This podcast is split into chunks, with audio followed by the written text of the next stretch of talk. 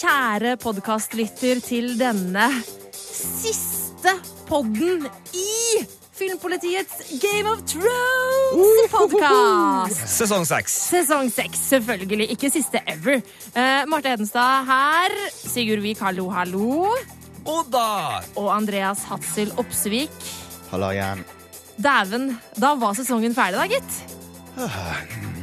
Men for en sesong. For en sesong! Og for en avslutning! Og Ja, for, for- en avslutning! For en avslutning! Ja, det har vært så fantastisk. Og i podden i dag så skal vi selvfølgelig snakke masse om sesongfinalen. Hva vi syns om den. Skal dele ut drageegg og shame og hva det måtte være. Og så skal vi selvsagt ta en skikkelig digg prat om sesongen i sin helhet. Og selvfølgelig svare på spørsmål fra lytterne. Og der var vi i gang. Det føles deilig og samtidig litt trist at dette liksom er den siste episoden i denne sesongen. Ja, men tristheten har på en måte ikke Eller antiklimakset har ikke kommet til meg ennå. Jeg er fremdeles så gira at jeg har drevet og sett denne episoden flere ganger.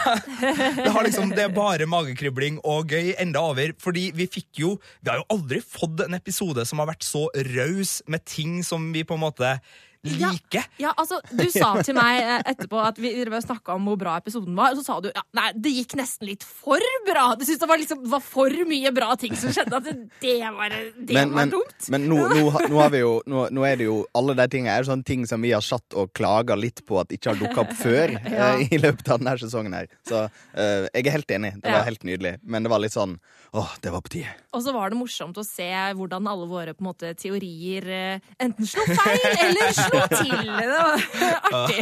ja, for det var noen som ikke gikk så bra. Ja. Men, men eh, det her var jo en sånn episode Altså Grunnen til at jeg var litt sånn mistroisk mot det her, er for at Game of Thrones Det er veldig sånn uh, uvant for dem å være så raus uten å også helle en god porsjon malurt oppi begeret. Mm. Ja. Nå føler jeg liksom at de er som den der eh, Nå må jo ingen onkler ta det her ille opp, men den alkoholiserte onkelen som plutselig kommer og lover bot og bedring og bare er snill i uke, men du vet liksom at ja, men du kommer til å bli litt uh, trasig utpå der lell, kanskje. Eh, altså, det var Alt de gjorde i denne episoden her, var på en måte å tilfredsstille Ja, fans. det var det. Og det er så Det, det har ikke skjedd før. Kan ikke jeg Nei, komme for- på at de bare gir og ikke tar? Ja, nei, for I den, denne sesongen her så har vi jo snakka om at de har jo egentlig vist litt fingeren til fansen ved flere anledninger. Eh, Så nå, jeg syns det var veldig fint at eh, nå fikk vi på en måte endelig en sånn derre 'vi er glad i dere'-episode hvor alt vi håpet på skjedde, skulle skje. I hvert fall nesten. Det, blir, det begynner å minne mer og mer om en sånn eh, litt sånn eh, tidvis voldelig ektemann enn eh, en, eh, en alkoholisert onkel her. Altså, nå, nå får det være måte på.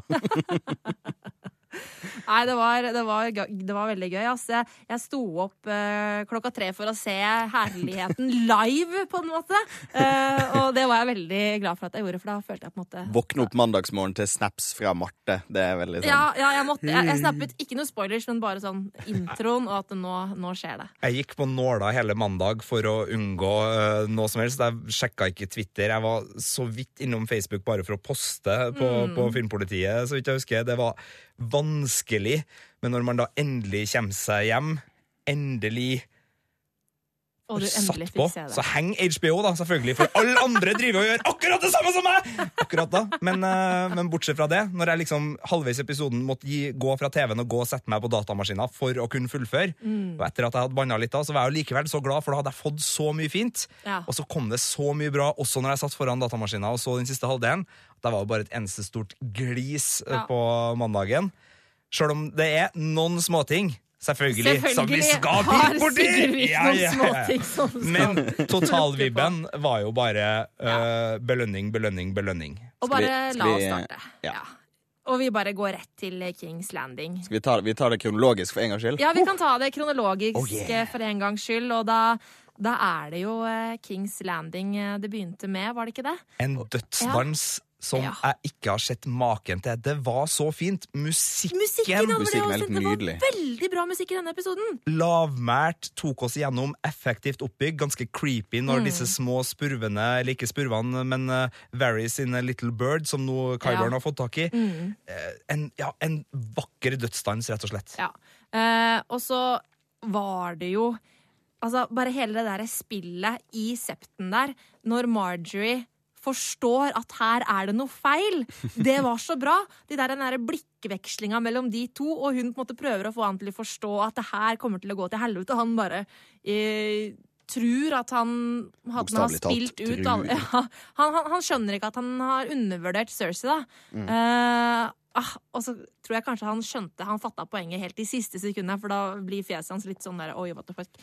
Like før han blir toast. Like før han blir toast. Og det var jo bare fabelaktig. Eh, og nei Jeg har skrevet ned, i, i notatene mine her, så står det ja, det tok 12 minutter før Sigurd fikk feil.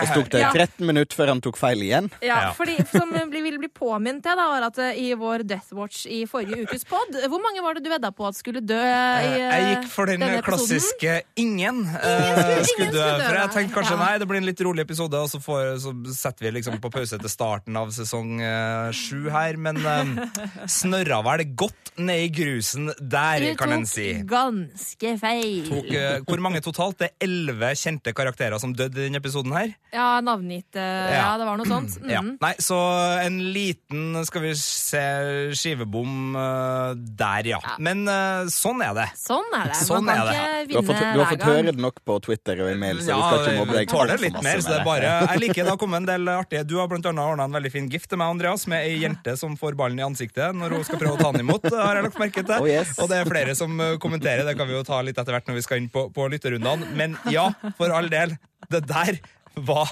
nesa i grusen. Ja, det var herlig. Uh, og, det var veldig det var egentlig litt uventa. Selv om jeg, vi, vi, vi, vi, regna jo med at Cersei skulle kjøre på med noe wildfire. Men jeg trodde ikke det skulle skje akkurat der. Jeg trodde, jeg trodde egentlig ikke at Marjorie skulle dø. Det hadde jeg ikke forventa. Nei, for hun er jo spilt opp som en ganske sånn sentral figur, og har jo posisjonert seg ganske sånn Hun Ja. kan bli en major player her. Ikke sant? Uh, og så bare Men det, det, er jo, det er jo The Ned. De klarer jo å få til The Ned igjen. Det er Ja. akkurat som med Ja. Ned Stark i første sesong. De tar livet av noen vi tror kommer til å faktisk være en viktig brikke. Ja, og Det er veldig bra. Og der kom liksom virkelig den der, eh, det sitatet fra Cersei til sin fulle rett. Altså, for Tamarji Margie har jo virkelig spilt spillet og jobba for å på en måte få til det her, men in the game of thrones you either win or you die, som Cersei jo har sagt. eh, Og hun vant ikke Margie denne gangen, altså. Hun ble rett og slett drept.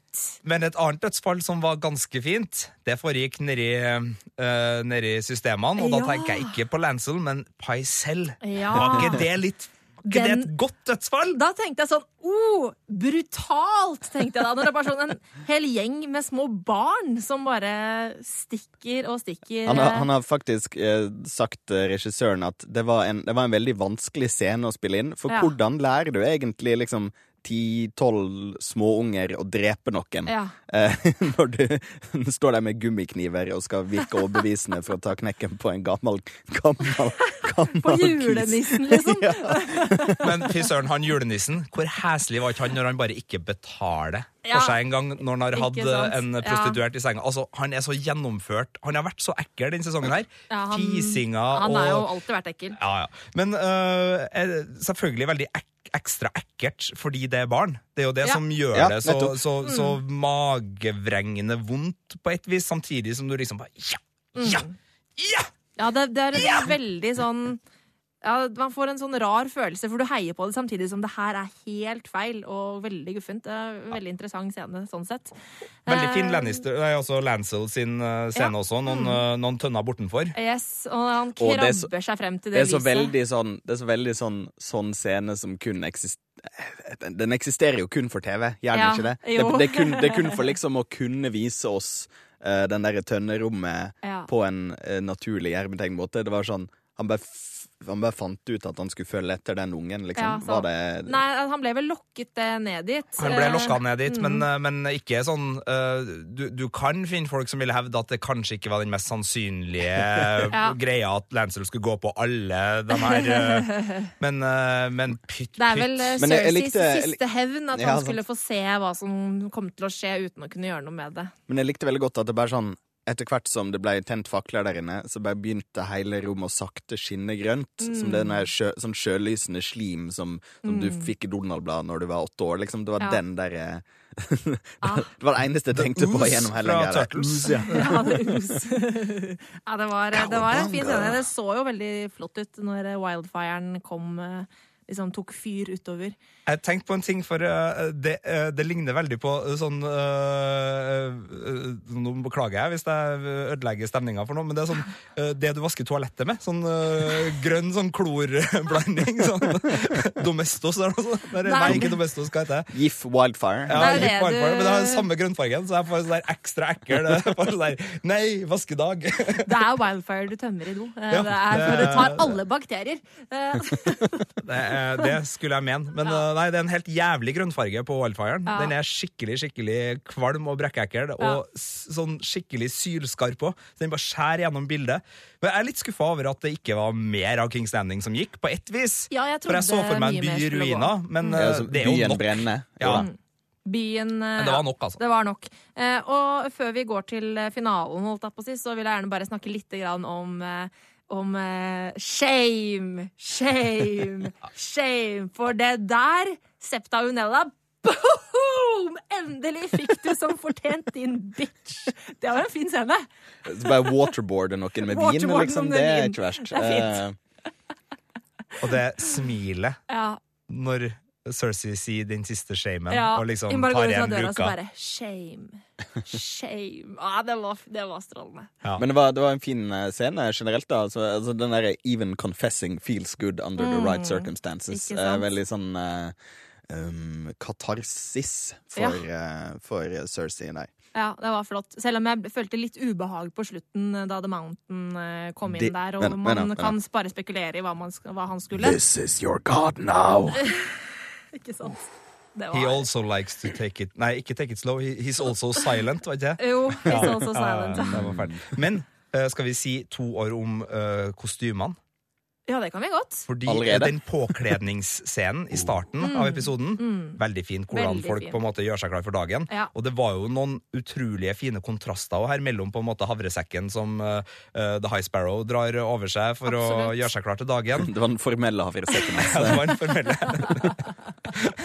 og så var det Rustningen, nesten. Rustningene, mm. ja, og, og krona og sånn. Men det var, jo, ja. det var jo Cersei som mm. tok showet på, på bekledninga. Ja, men det var, det det jeg mente med den kjolen kjolen ja. hennes var en slags rustning. Altså ja. Måten den scenen var filma på, var som at hun tok på seg rustningen sin. Måten sånne 'nå skal jeg ta på meg rustningen'-scener gjerne blir filma på film. Det var sånn, bare med kjolen. Og så var den jo ganske sånn metallisk, denne kjolen. Så jeg vil ha den i Skyrim. Jeg vil ha, liksom, jeg vil ha det outfitet. Altså, jeg har bare oppfordring til cosplayere der ute. Lag, eh, lag den kjolen. Eh, jeg vil se det. Den er fin. Spesielt mm bare så enkelt som den kjettingen som bare mm. henges over brystet. Ja, som var, på en måte en sånn der Ja, det var nesten som ha vært låst inn i uh, Mad Queen-drakta si. Ja, skikkelig. Ja, det var uh, Skal vi så gå over til, til denne scenens avslutning? Ja, eh, la oss gå til Kings Landing, var det det du prøvde å si? The King's Landing. The King's Landing. men, men, og, og det, for, for, det var så En ble jo dratt ut mot det her vinduet når en, mm. en, en, på en måte møter, møter Tommen for siste gang. Så jeg, jeg drev og tenkte sånn Wow, nå kommer han til å liksom tuppe krona si ut det vinduet her. Det, det var det, det, det, det jeg skrev i notatene mine. Jeg trodde han skulle begynne å grine. ja, men du, du tror alltid at Tommen skal begynne å grine. Men, jeg, men jeg, jeg, var helt sikker på at nå, nå kom han liksom til å Han kom til å kaste krona ut vinduet. Det, det satt jeg og tenkte. Og så tar han liksom tak i krona og så bare Yes, yes, nå skjer det. Nå skjer det. Og så går han og legger krona si. Mm, og, så, hopp, hopper han ut, akkurat som han i uh, The IP Crowd. Ja, eller han bare han, eh, lener seg ut. Det var noe det så fint. Han bare liksom faller ut, på en måte. Før han får en Kings Landing. Ja. Uh, som sagt, The Kings Landing. Det er utrolig estetisk fin scene, fordi du dveler ved det vinduet uten at Tommen er i bildet i mm. det som føles som ti sekunder, men det er mm. kanskje tre-fire. Mm. Uh, og så bare kommer han grasiøst inn mm. og uh, svalestuper Uh, nesten ja, ut av uh, svalestup, ja. Det var helt, helt sånn sobert ja. og så effektfullt, og så ah. litt vondt også, sjøl om du, Marte, selvfølgelig ja, syns det her var en uh, fødselsdag Men, ekstra. Det, det jeg faktisk sa, var at selv om det er ikke akkurat Jeg sa sånn, ja Good for you, Tommen! Liksom, endelig gjorde du noe vettugt, tenkte jeg da han uh, måtte det bare Pent smart. eh, hoppa pent. ut av det vinduet. Men uh, vi heiet jo veldig um, på denne at The Mountain skulle drepe Cersei Nei, drepe Tommen-scenarioet, som uh, Altså, jo, jo du skulle få Var det fire eller fem kronis? for- Gjorde han ikke det, da? Det Ikke var jo, begynn! Han, han gikk jo ut Han lot han jo liksom være i fred. Ikke Eh, Kan du mute Andreas. mikrofonen til Andreas eh, Opsvik, eh, Marte, så kan vi fortsette å prate uten at Ja, kverulanten er kverulanten Men eh, selv om det hadde vært gøy å se på en måte Det hadde jo vært gøy å se sverdet gjennom eh, tommen, men Men, men det hadde jo vært forventa. Så at dette var en helt uventet uh, slutt på hans liv, som jeg syns var veldig virkningsfullt. Og veldig passende. Veldig passende. Ikke at jeg, jeg hadde ikke tenkt på han som Altså at selvmord var et valg her, det hadde ikke slått meg. Nei. Men når det skjedde, så var det sånn Ja, selvfølgelig. Ikke sant? Men det var jo fordi det skjedde så utrolig eh, brutale ting i forkant, som jeg heller ikke så for meg at uh, serieskaperne skulle liksom bare samle alle i en katedral og bare si poff. Men uh, ja, elleve dødsfall. Dæven døtte. Dæven døtte. Nice. Ah, det var konge. Uh, men ja, uh, hva, hvor skal vi da dra rei... Dra reise? Hvor skal vi da reise videre? Skal vi møte. Sam? Eller OK, det Nei, Twins. vi må gå okay, der Twins. til- Ja! Til Walder Ikke Frey-festen. sant. Og det der eh, hvem, eh, altså, hvem var det som eh, stilte oss spørsmål i forrige pod? Eh, det var noen det- som lurte på om det liksom, de kom til å drepe noen igjen, siden det var enda en hilsen fra The, Ja, the The Phrase and Lannisters sends their regards. Ja. At vi frykta at det da ble en på en måte The Lannisters sends their regards, som var The Red Wedding. Ja, men så var det noen som spurte oss om i forrige pod om uh, ikke Arya kom til å dukke opp der Ja. og, og ta Ja. livet av Walder, og vi bare nei, Ja, det kommer aldri til å skje. Det... det- hadde vært kult, men hun reiser ikke så fort. Alvorlig vi tok feil! Halvdan Flinder var det som uh, lurte på eh, om det, mener jeg. I, ja, i, han sa kjapt spørsmål i neste trailer. eh, ser vi Walder Frey? Tror dere at Arya er der? Og eh, Da svarte jeg han på Facebook, og vi svarte også i poden sånn Nei, det går jo ikke. Uh, men uh, like, uh, som Halvdan så fint skrev tilbake til oss Hva var det jeg sa? Ha en fin, fin dag!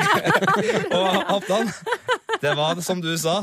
Du hadde helt rett, og vi står helt uh, klar for hugg her. For Ja. um, du verden, uh, det skjedde. Ja. Men før det skjedde, så var det jo en veldig fin tale, Marte. Ja da, det, det Mellom, var det. eller en Mm. fin dialog mellom Jamie og Walder, der Ja. Walder igjen tar den der 'mock me, Mm. mock me, boy', og den, det refrenget hans, det. Bare hån meg, jeg Mm. skal seire til slutt. Og han har jo, som Jamie påpekte, aldri gjort en ordentlig bragd. Og når han begynte Mm. å pirke borti Blackfish, som da er en av Jamie sine helter, sjøl om Jamie var den Ja. som fikk en uh, tatt, så, så ble det jo en konfrontasjon der. Og Jamie sin sluttreplikk er jo nydelig. Det er bare sånn her, Hvis dere ikke klarer å holde det her, hvorfor skal vi da Mm. være dem som hjelper dere å bli frykta? Ikke sant. Eh, og den satt nok litt i den der heslige gamle mannen Mm. eh, Walder Frey sitt, uh, sitt uh, sinn, fordi den er så sann. Mm. Den er så sann. Nå, det, her var, det, her var, det her og det som skjer helt til slutten av, mot uh, slutten av episoden, er jo liksom det er jo, Nå har Jamie broken good, har han ikke det? det? Han har liksom tatt hele veien nå, er ikke det? Ja, jeg, Er det, er det noe ondt igjen i Jamie nå? Ikke noe ondt, men Nei, okay, det er det noe liksom arrogant og ekkelt og jævlig? Ja, Det ligger han- noe der som er Altså, han er villig til å gjøre det som trengs fremdeles. Jo da, Det er men det. har han jo alltid vært. Ja. Eh, Men det er ikke noe ondskap eller arroganse igjen, sånn som er- ligger i overflata, i hvert fall ikke. Men mens vi er der, da skal vi ta den Arja-scenen ja, fullt ja, ut. da, ja, vi, vi jo det. For den var jo uh, meget lekker. Det jeg syns var litt sånn rart, var at Walder Frey ble Altså, Jeg liker at han blir redusert til en idiot, men han ble nesten sånn Benny Hill-idiot i forkant av uh, paispisinga. Hvor han driver og uh, 'Du er ikke en av mine, er du det?' Nei, og så klasker på rumpa, og så Han er liksom sånn der Det er jo som en annen type britisk komedie plutselig fra 70-tallet blir, blir putta inn, men, men det Jeg syns han var seg sjøl lik, jeg. Ja, men han ble nesten en parodi av seg sjøl. Akkurat i den scenen. Så tenkte jeg bare nei, nei, det her Men uh, det følges jo opp med et lekkert lite serveringsstykke hvor eh, Arja får vist fram sine skills, som tok oss tre pie. sesonger å få. Eh, servert med hot pie. Ja. Hot pie, ja. Eh, dessverre så spiste jo ikke Walder av paien. Han spiste én bit. Gjorde han det? Ja, men jeg han- syns han ikke spiste noe. Er ikke, er At han bare åpna lokket og så øyet. Er Nei, men poenget før her han at åpner, så tar eh, han jo én bit. Gjør han Gjør det? Men er ikke poenget her at de allerede nettopp har spist middag, og han fremdeles sitter og venter på sønnene sine? da? Det var sånn, Jeg, jeg tipper at han allerede har spist pai, eh, sånn i utgangspunktet. ja. Ah, ok, ja. Ja. Men for Jeg det- syns de kunne ha gitt oss en, eh, et han- eh, Nei, men for du skikkelig ser ting. jo når han Altså, da han Etter at han skjønner hva som er greia, så uh, gjør han noe med munnen sin. Så, Ja, han det- brekker seg, ja. ja, men jeg føler at det er fordi at han har spist. Ah, okay, det var sånn jeg tolka det. Ja, jeg, jeg, Det var jo bare- ikke helt det stykket når han løfta opp lokket. Det var ikke et helt paistykke. Det her, det her er små detaljer, altså. Dette- Det her er små detaljer. Som vi kan finne ut ved å sjekke. Ja, vi kan eh, dobbeltsjekke det. Men, Spiller liten rolle. eh, Godt mulig du har rett. jeg mener at han hadde spist, altså. Eh, men du, uansett, altså, da jeg så den scenen, så tenkte jeg først eh, For med en gang jeg så tjenestejenta, eh, så skjønte jeg jo at det var Aria. Uh, og da tenkte jeg nei, ærlig talt, tenkte jeg, så fort har hun ikke reist. Dette er teit. Uh, men så var det jo ganske kult. Du skjønte før, men jeg skjønte ikke med en gang at det var Aria. At det Med en gang litt- hun kom inn til Walder, skjønte Nei, jeg at det, var Aria. Det, jeg skjønte når paien uh, Å, nei, jeg skjønte inspirert- det altså, med når, når hun sa Jeg var faktisk, når hun sa 'men de er allerede her', så var jeg sånn her er det her en slags drømmesekvens? Ja. Er, Walder, er Walder dement? Uh, skal vi nå få Walder på sykesenga-episodene? Men så uh, åpenbart det for seg. Men du har jeg, bedre jeg skjønte det fordi at eh, de, hadde, de gjorde veldig mye ut av den tjenestepiken under, eh, under middagen. Mm. Hun var veldig mye i fokus, så eh, da skjønte jeg at hun hadde en spesiell plass. Og når hun da kommer alene inn til Walder, så skjønte jeg hva som, hvordan leia lå. For nå skjønner jeg det. For hun var den tjenestepika som drev og flørta med Ja. eh, Jamie. Ja. Oh, yes. Det tok ikke jeg igjen, vet du. Oh, ja. Se ja. der. Mm. Se der. Så, da, men, eh, så jeg tenkte først at, det- at det hang meg opp i eh, den ekstremt raske reising, reisinga. For at det- dæven, det var raskt. Men så Men var det var det jo ganske kult. Er det raskt? Ja, for det, det her har vi jo fått spørsmål om før. Hvordan kan vi vite hvor raskt ting går? Og da syns jeg ofte så er det Kings Landing som jeg syns virker som øh, tidslinje Den vi kan måle hvor raskt ting har gått opp imot. For det, det som skjer i samme episode, skjer jo sånn cirka i tidsrommet med hverandre. Eh, og så lenge venter ikke Cersei på den jævla rettssaken sin. Vi har ei veldig god tidslinje Ja, er i sikker altså, Den hovedtidslinja jeg føler som binder sammen i hvert fall de siste episodene, er Riverrun og Winterfell. Og Mm. Kings Landing, fordi der er uh, Brienne og Jamie sitt møte nøkkelen for å binde dem sammen i forhold til at det skjer parallelt. Fordi Jamie drar fra Kings Landing, kommer til Riverrun. Uh, Brienne blir sendt fra Black, uh, Castle Black i forkant av det, og møter Jamie i Riverrun. Og, altså, så, så dem, Man vet hvor man vet at de henger sammen tidsmessig, så de skjer ikke nødvendigvis sånn samme dag, men altså i samme periode så skjer uh, beleiringa av Winterfell og eh, muligens også Kings Landing. Men det er klart det kan være uker og måneder imellom her, men de er i hvert fall knytta sammen. Ja. Eh, så de er i en kausal forbindelse med hverandre denne sesongen gjennom det møtet. Du får møtet. sagt det fint, Sigurd. Sigurd. jeg får brukt ord. Jeg har gått på skole for å lære meg. Og Du sånn, da har gått på meg, du. universitet! Jeg har gått på universitet. Jeg kan ord. Ja, ja, ja. Men, eh, men bortsett fra det, så er det jo veldig åpent, og som vi skal komme tilbake til, for det var ikke det eneste Neida. imponerende stykket reisearbeid som uh, foregikk i episoden det her. Uh, det har gått uh, Men det må ha gått en del tid, fordi det er en del ting som har blitt gjort som krever tid, Ja. og som gir folk muligheten til å reise litt, men det var Spesielt den siste scenen Ja, i hele episoden. det- ja. Den mm. satt rart. Ja. Men dit har vi ikke kommet men Skal vi nå til Oldtown? Old Town? kult. Ja, nå kan vi dra til Old Town. Eh, og det var artig å få se Sam igjen.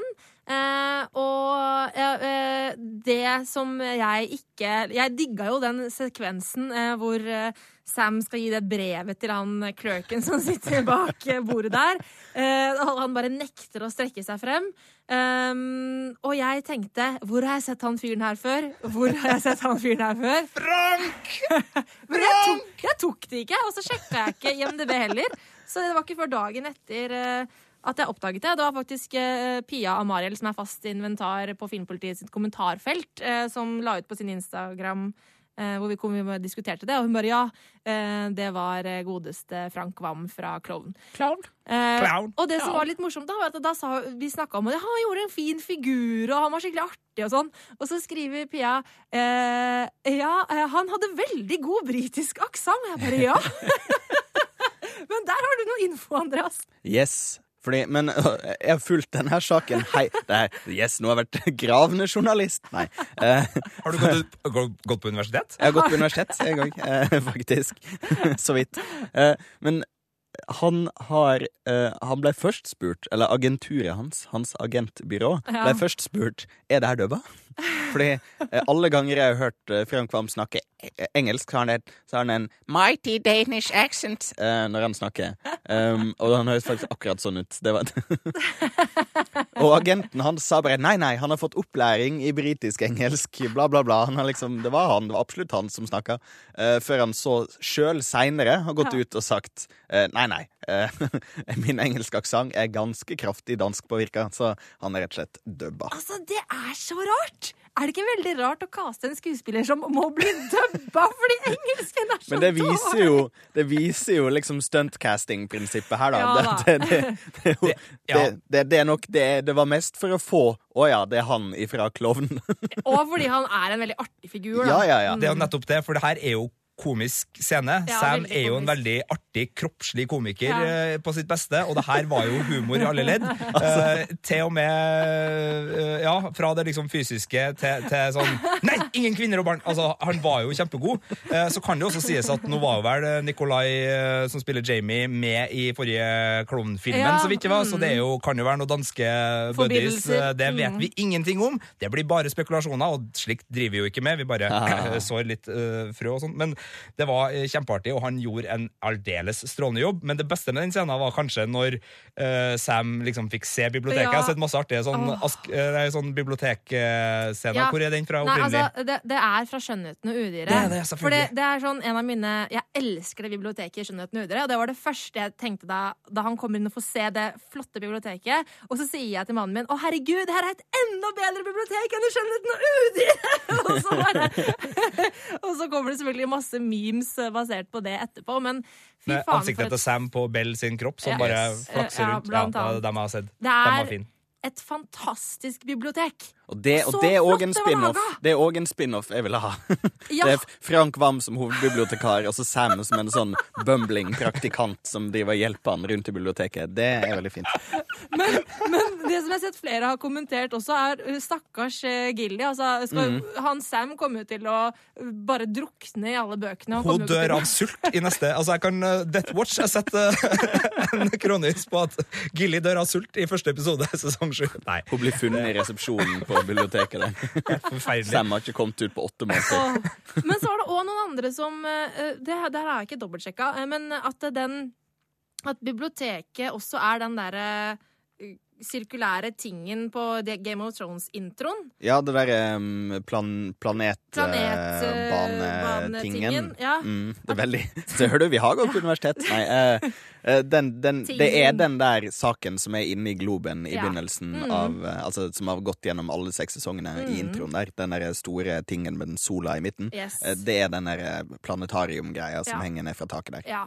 Så må det jo sies at det var en veldig fin måte å få se at vinteren kommer på, idet det ble sendt ut hvite fugler fra Mm. Yes. hovedstaden. For det var den samme fuglen som Ja. Det var de ravnene. Ja, det er det de hvite, hvite ravnene som blir Ja. sendt ut fra Oldtown. Og det slår meg kanskje den derre planetarium-tingen tingen som snurrer, at det er sånn som Old Town-folka, meisterne, veit at vinteren kommer. At det er sånn de ser årstidene. Det kan være. Kanskje. Siden den er i introen og hele pakka. Mm, Det fant jeg på akkurat nå. Jeg tror det er riktig. Du har ikke vært på universitet? Og... Jo, jeg har gått Ja. på universitet litt eh, og drevet dank, eh, men eh, Dank! Vi burde vel kanskje alle tre ha vært litt mer i biblioteket mens vi gikk på det her universitetet, men da det var vel da mer opptatt av å sitte foran skjerm. Ja. Bytt, bytt. Eller foran radiomikrofonen. Eller det, eventuelt. Ja. Neida, Men eh, det var en veldig fin scene. Artig, artig lite sånn eh, comic relief eh, der. Og deilig å få se at Sam endelig nådde sitt mål. Den Jeg var livredd for at faren skulle komme rett bak en, men har heldigvis ikke dukka opp ennå. Instagram-humoren i I wish I could find someone who looks at me the same way Sam looks at books. Det er det, Den er absolutt gjeldende, altså. Absolutt. absolutt. Skal vi hoppe videre til Winterfell? Ja, la oss uh, gjøre det. Ehm, nok en noe Jeg ble overraska Over over eh, utfallet Ja. av Winterfell. Ja, uh, jeg syns de fikk en veldig rask og grei avklaring av Sansas bedrag mot mm. John. Mm. Ja. Det at hun ikke hadde eh, fortalt den om Mm. Det var noe som når jeg så hun liksom ikke ville snakke om Littlefinger i Mm. episode fire, var det vel, så var det sånn her Oi, det her kommer til å bli et uh, verkende sår som Ja. kommer til å, å ødelegge og kanskje ødelegge forholdet dem imellom. Men det var liksom en sånn her Mm. Ja. Sorry at jeg ikke sa det. Ja. Nei, du, vi har så mange felles fiender nå at nå må vi bare stå sammen. Men det viser at hun, hun var egentlig litt Litt eh, dum, da, kanskje. Eh, på, det var ikke noe plan bak det. Hun bare hadde ikke lyst til å snakke om Littlefinger. Nei, samtidig som Og nå gir vi kanskje litt mer kred enn det folk fortjener her, men det slaget ble vunnet på The Element of Surprise fordi Ramsay trodde at han Jo, jo, visste hva han hadde framfor seg. det var ikke noe Sansa planla. Det Nei, kom det jo tydelig men frem. kunne det kanskje være det likevel, da? Nei. Nei, ok, nei, for det var det jeg tenkte vi kanskje skulle være litt snill med Sansa og gi henne uh, strategipoeng. Uh. Det var, det var hell i uhell at uh, den surprisen kom der, tror jeg. Ja, men altså, hun, hun kunne ha sagt det kvelden før. Hun visste jo at det var en her så hun hadde jo det strategisk. Nei, Altså, men Hun visste jo ikke at det var garantert at de kom. Det visste hun jo ikke. Nja, Hun hadde sendt et brev til Littlefinger, Ja. og had, hun hadde ikke fått noe svar, så vidt vi visste. Nei, men hun hadde jo ridd bort under slaget og truffet dem, så hun kom jo ja, sammen med dem. slaget. Ja, eller kanskje før slaget, eller kanskje på natta. Vi vet jo ikke når hun for. Ja, okay. Du- jeg, jeg ser at det her er Ja. ute på viddene, men hvis vi skal være veldig um, øh, åpen for at Sansa har militærstrategi i blodet Men da hadde hun jo sagt det til John i den samtalen som var i sesongfinalen. ja, Det her har vi snakka om før. Alvorlig talt. Ja, okay, da. sant. Hun var bare dum. Men, men fin scene. Marte konkluderer. Eh, men ja, eh, hun var jo i flere scener. Altså Littlefinger-scenen. Eh, der fikk hun jo virkelig vise at eh, hun viste litt fingeren til Littlefinger, og den var ubehagelig, den scenen. Longfinger til Littlefinger. Longfinger til Littlefinger. Den var litt ubehagelig, øh, fordi øh, han er jo en gammel mann som, som du var inne på i forrige Ja. episode, prøver seg på et lite slags uh, switcheroo. The old switcheroo, der du bytter datter for mor. Det er jo noen som liker dattera, Ja, og noen som liker mora, og Littlefinger liker hele familien. Det er jo litt kleint, det. Men uh, Apropos sånne gamle alkoholiserte onkler Eh, ja, liksom, som bare uh, lener seg framover. Ja. Nei! Andreas, Nei. mute Andreas igjen. Mute Andreas igjen før det her går. Ja, takk. Da gjør jeg det. no! Men uh, det som er um, veldig rart med den scenen, synes jeg, er at Littlefinger så åpent og så plumpt bare sier sånn 'Jeg har lyst til å sitte på jerntrona'. Ja, og det, det var noe av det som overrasket meg veldig. Fordi for det første at han bare innrømmer det. For det andre at det var et av hans mål. For det har aldri jeg trodd. Jeg har aldri trodd at Littlefingers mål var jerntrona.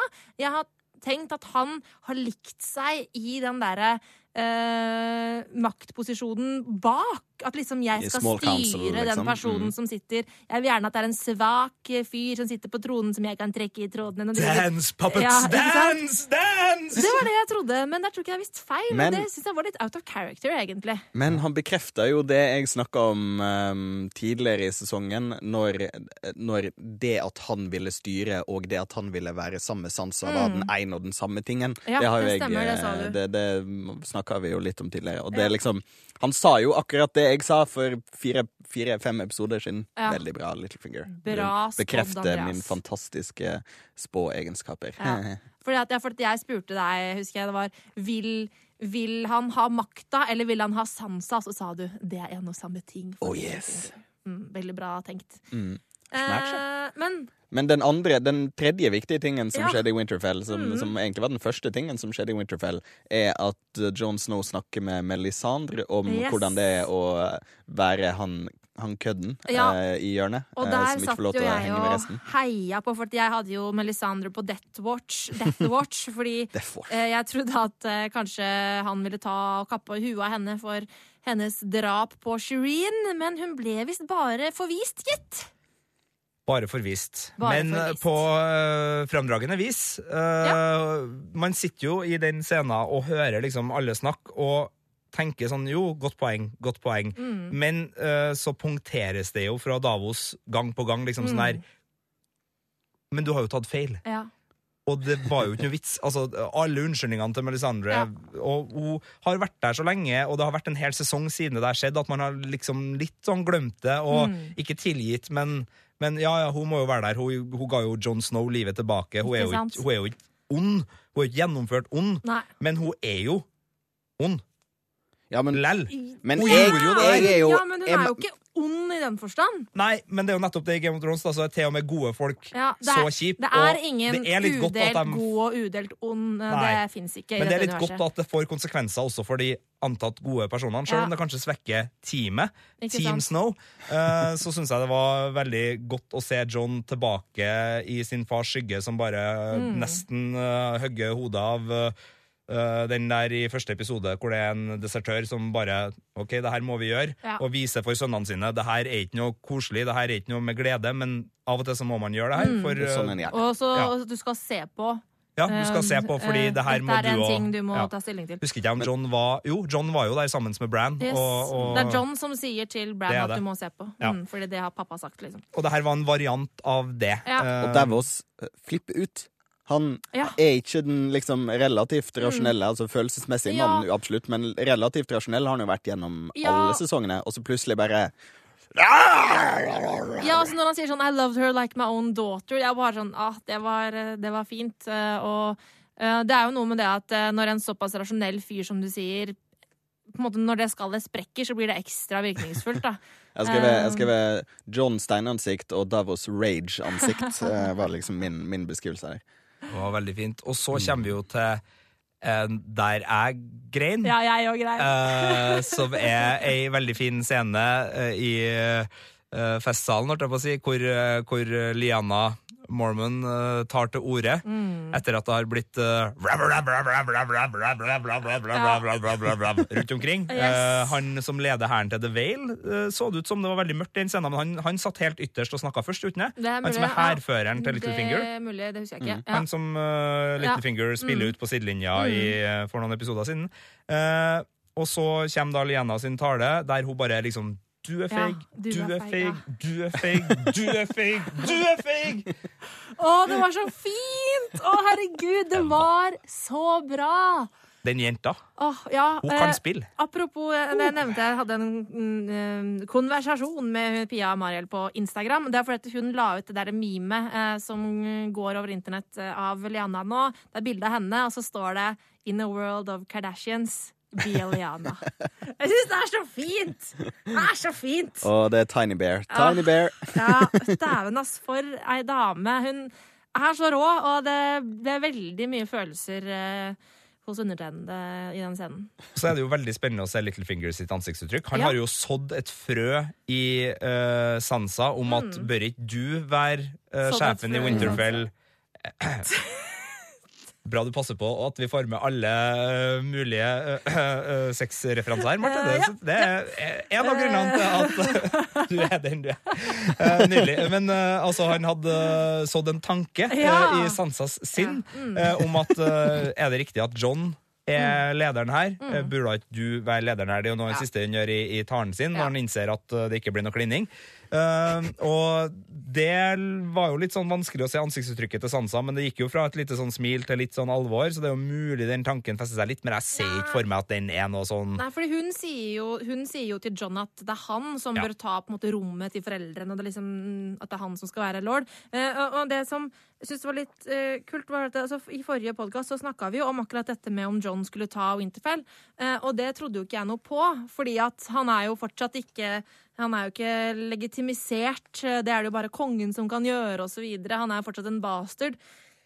Men da var det liksom litt sånn fint at det bryr ikke The North seg noe om, liksom, for han er en Stark, eller det vet jo ikke Han er jo, han er jo en halvt Stark. Ja, han er jo men de sier han er sønnen til Ned Stark. Det er jo feil. Og det som er artig her, er jo at det her kan snu seg på et eller annet vis, for når det blir liksom sånn Meet John Targaryen! Ja. Mm. Om uh, noen uh, i neste sesong, så kan det jo hende at det får konsekvenser for King of the Ja, men likevel så er han jo Han er eh. Han er jo en Stark. Han er eh, Neds eh, nevø, Han er- eh, og han er- er oppfostra av Ned. Så akkurat nå er han den mest demokratiske valgte lederen i uh, Vesterås? Ja, det er han jo eh, faktisk. Ja, Ja, Danny- kanskje med unntak Ja, demokratisk og demokratisk. Ja. Kanskje Euron. Demokratisk med draga drager. Euron er jo òg stemt Ja, han er jo faktisk valgt uh, med eh, reelt valg. Men et veldig sånn Sveits eh, for ikke så veldig lenge siden-type Ja. samfunn, da. Eh, Jo, jo. Med stemmerett for enkelte. ja. Men, Er Sveits pirater? Hva Men men et lite spørsmål. fint, Ja.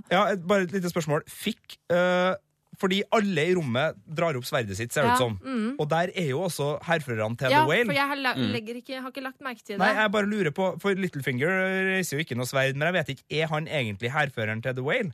Littlefinger? Eller, ja, Nei, altså Littlefinger er jo bare uh, egentlig stefaren til tronarvingen. Ja, rådgiveren til uh... Ja, og vi har jo ikke sett Lille Snørrunge, men han som er på en måte den øverste militære lederen for The Whale, han er jo i det rommet, men jeg ser ikke om han har opp sverdet eller ikke. Så jeg bare lurer på om John også har uh, hestehæren med seg på sitt lag nå, eller at han bare har de Det er jeg øvrige ikke sikker på. Nei, det det er jeg spent på. Uh, men uh, det var en veldig fin scene, og jeg måtte gråte, og det var liksom sånn Det føltes veldig riktig. Jeg ble glad. Glad. Jeg ble glad. Men øh, ja, som sagt, de sa han er Neds sønn. Eh, det er jo feil, for endelig fikk vi jo Oh, Tower of dit, Joy. ja. Ja, Mm, skal vi gå opp rett dit? Kan vi ikke det? Vi kan skal gjøre vi det. ta, skal vi ta, skal vi ta North of the Wall-greia først, da? Eh, Ja, det kan vi gjøre. Ja, og så tar vi Danny til slutt. Det kan vi gjøre. Men Bran Dorn. Vi må ha Dorn òg. Ja, Dorn, ja. Det, er- Det det tar vi helt til Det tar vi helt til slutt, men Bran gjør Altså, vi fikk se Benjen si farvel til Bran. Nå er de veldig nær veggen. Ja, det var det jeg forsto. Benjen sier uh, den er beskytta av mer enn bare is og, og stein. Det Mm. er runer og trolldom og sånn her. La dem opp til at Bran da kommer til å bryte uh, den eh, trolldommen ved å være idiot og kryss. Ja, det er det nevner jeg det jo i hvert fall, da. og det er jo De eh, artig. Men eh, jeg tenker Benjen burde jo ha advart han mot det hvis han hadde Han vet jo at han har det merket, gjør ikke han det? A wizard should know better. Ja, Ja, ja, han vet vel det?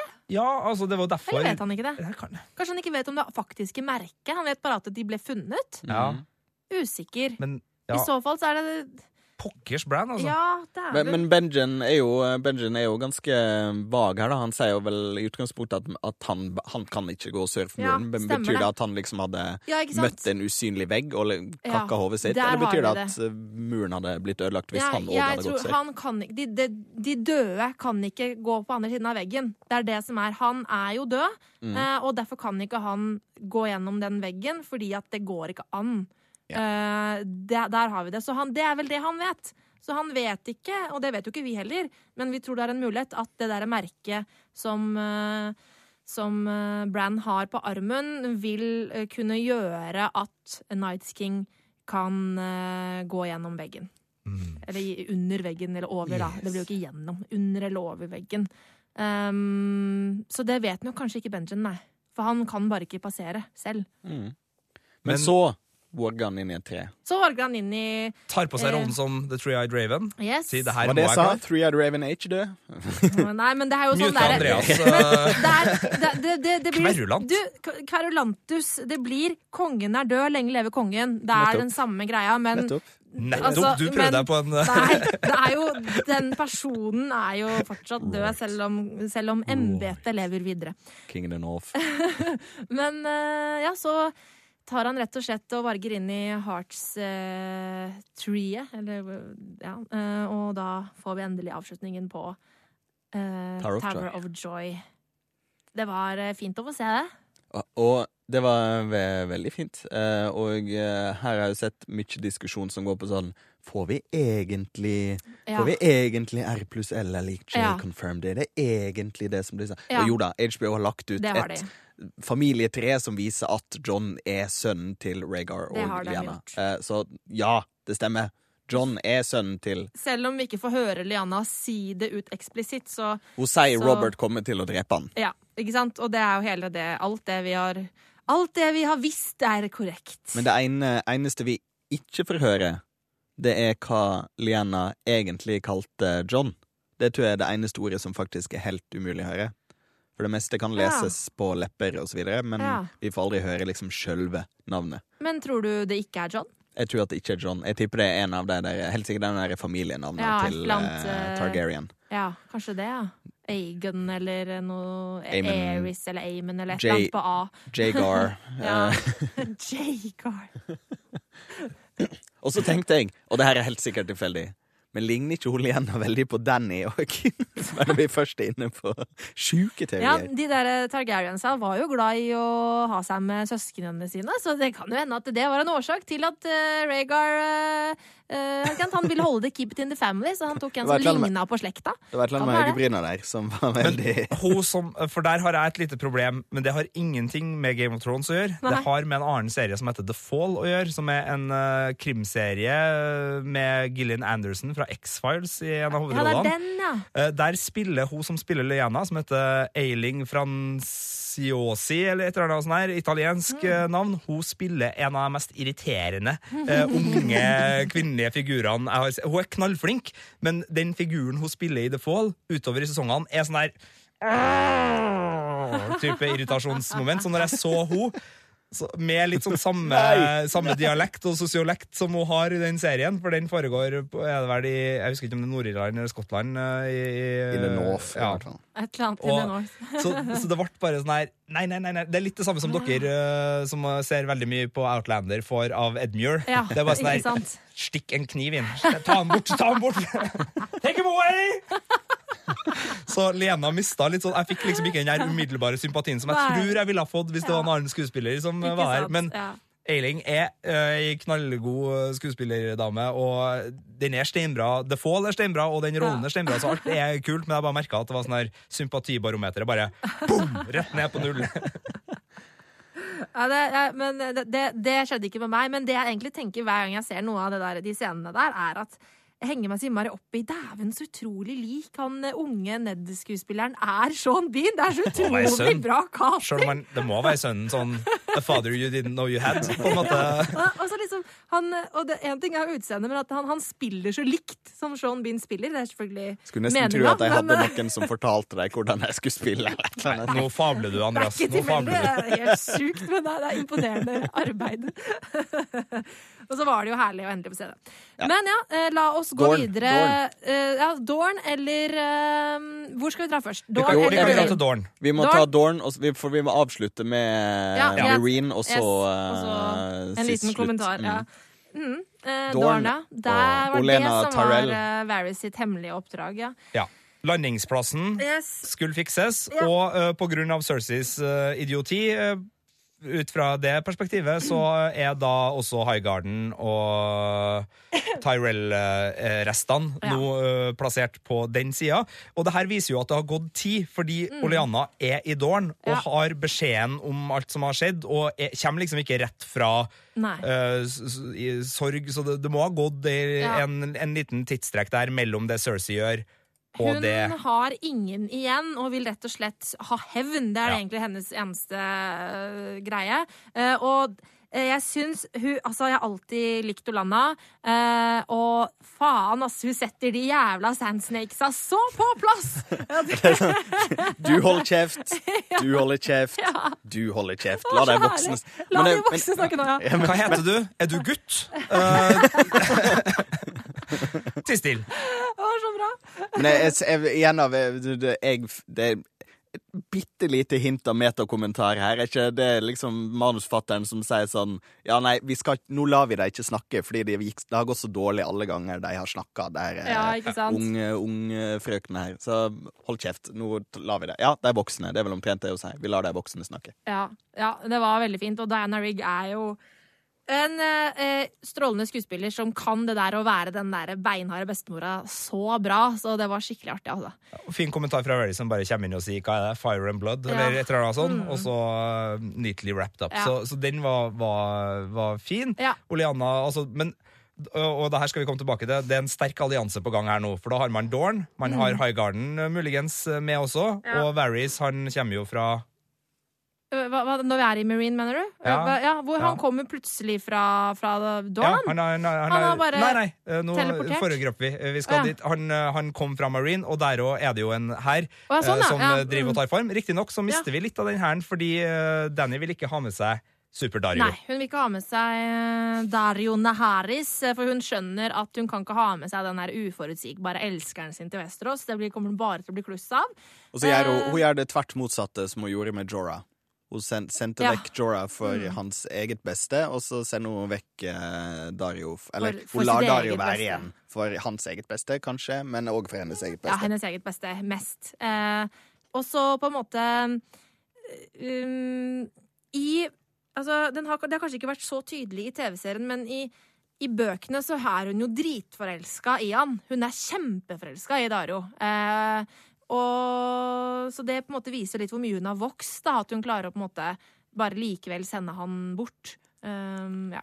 Men er det den- ja. er, um, også, uh, Dario spør jo liksom Er det Tyran som har fått deg til å gjøre det her. Mm. Er det ikke, blir det ikke nesten liksom sagt etterpå at Tyran i hvert fall har oppfordra til det? Det har han helt sikkert. Men hun, så hun stoler jo veldig på Tyrion nå. Eh, noe som vi òg fikk se videre i, i, i Marine. Eh, men, men hun tar jo likevel sine egne avgjørelser. Jo da. Det, hun, er, hun er dronninga, men han er eh, dronningas hånd òg, eh, og nå eksplisitt, etter Mm. at han fikk den derre eh, lille greia. Ja. Jeg må bare si eh, kjapt om Dario at etter skuespillerbyttet, for det var jo et skuespillerbytte på Dario, så eh, har han gått fra å være den utrolig karismatiske som du liksom umiddelbart skjønner at Danny vil ha problemer med å gå fra, og som på en måte har den swaggen og den umiddelbarheten. For den nye Dario er en veldig kjekk mann, og han er veldig sånn heroisk og ordentlig, men han er litt grå mus i det selskapet her, syns jeg. Mens den forrige Dario var nesten en sånn der Fabio-skikkelse Ja. med langt flagrende hår som bare han kappa hodet av sine medkompanjonger. Jo. Han gjorde akkurat hva han ville. Han ga faen i konsekvensene! Mens det her er en litt sånn her Ja, Litt sånn- sytete. Sett, men sett fra, nei, jeg synes ikke han er sytete, men sett fra et sånn kvinnelig perspektiv, så kan jeg si at han eh, Dario som uh, har vært i det siste Altså, han, han har en sånn derre bad guy-faktor over seg, uh, som er litt sånn Han er røff, han er kjekk, altså den har den greia der. Mens Men han er ikke Indiana Jones. Nei, og det som er Tidligere så har de spilt mer på den der eksentriske Da- Dario Naharis som han er i bøkene. Han som i bøkene har blått skjegg og liksom gullbart, eller hva det er han har. Altså, han er så sykt eksentrisk, eh, og veldig sånn fabulous. det har de jo fjerna. Men eh, Jeg tror den scenen hadde kommet til å slått sterkere hvis det var en så karismatisk Dario som Ja. uh, Danny ga fra seg. da. Ja. Uh, samtidig som den, den fungerte fint, men det, det var ikke et sånt Jeg, jeg fikk ikke noe hjertesukk Nei, i det var scenen. litt mer sånn nå må vi bli kvitt han. Ferdig med det. Ja. Eh, men den scenen Da slipper vi å ha neste sesong. Ja, Den scenen som jeg syns var veldig fin uh, eh, i Marine, det var nettopp det du nevnte, Andreas. Uh, når Deneris gir um, Tyrion uh, hand, the hand of the queen. Da litt uh, Da- Da ble jeg litt fuktig i Ja, kroken. det Altså. ble jeg også. Det var veldig fint, altså. Men bare for å snakke om, om det på en måte visuelle i den der scenen òg. Uh, gjennom nesten hele den scenen eh, så veksler de om hvem som visuelt sett er høyest. Mm, Og det er en litt artig eh, greie, for det begynner med at eh, Danny går ned trappa. mm, Hun er oppe, den øverste trappa. Uh, Tyrion sitter nede i ei anna trapp. Og så er de nøyaktig like høye, um, sett fra kamera, gjennom hele den scenen. mm. Før hun på en måte reiser seg igjen og gir han den der Hand of the Queen. Så det sier et eller annet om på en måte jeg holdt på å si maktnivået, men i hvert fall kanskje respektnivået Ja, der. da det er sånn At- likeverdig ja, respekt. de er likeverdige folk. Nå har hun har skjønt at han har noe å komme med, Mm. og uh, han har skjønt at hun faktisk på en måte Hun er the new shit. Hun er Ja. den nye vinden. Hun er den nye um, alt. Enig. Det var en sånn uh, gjensidig respekt. Mm. Uh, og også, også en sånn der fortrolighet uh, mellom dem som kom veldig fint frem, som gjorde at den scenen ble så fin som den ble. Ja. Det, var, det var flott. Og så skal vi jo av gårde. Eh, Vi må nevne én ting først. Okay. For det er én ting vi ikke har snakka om i Kings Landing. så vidt jeg kan huske? Jamie og Bronn returnerer til en by i flammer. Oh, ja, Vi nevnte det så vidt, men jeg vil bare liksom ja. Gå inn på den scenen. Mm, ja, og han ser jo her, Vi har jo glemt Vi glemte jo det, det hovedpoenget med Kings Landing. Vi snakket jo ikke om Cersei på trona. Nettopp! Dæven døtte! Bra The du Mad holder Queen. oss i, i tømmene, Andreas. Jeg tror det er den mest sånn uh, småscenehakkete episoden vi har hatt. For det er ofte veldig lange strekk, og så følger Mm. Ja. vi en ny person, og så er det langt strekk, og så følger vi en ny person. Men her var det masse masse, klipping. og det var kult. Men The Mad Queen, ja. Ja, det ble The Mad Queen, selv om det ikke eh, på en måte det forgrep seg akkurat som vi hadde tenkt sånn oppbygningsvis, så, så endte det jo eh, opp der vi trodde. Cersei med Wildfire og som The Mad Queen på trona. Og en lite anerkjennende bror som da Mm. kommer inn, først får se Oi, i helvete, hva er det søstersen har holdt på med nå?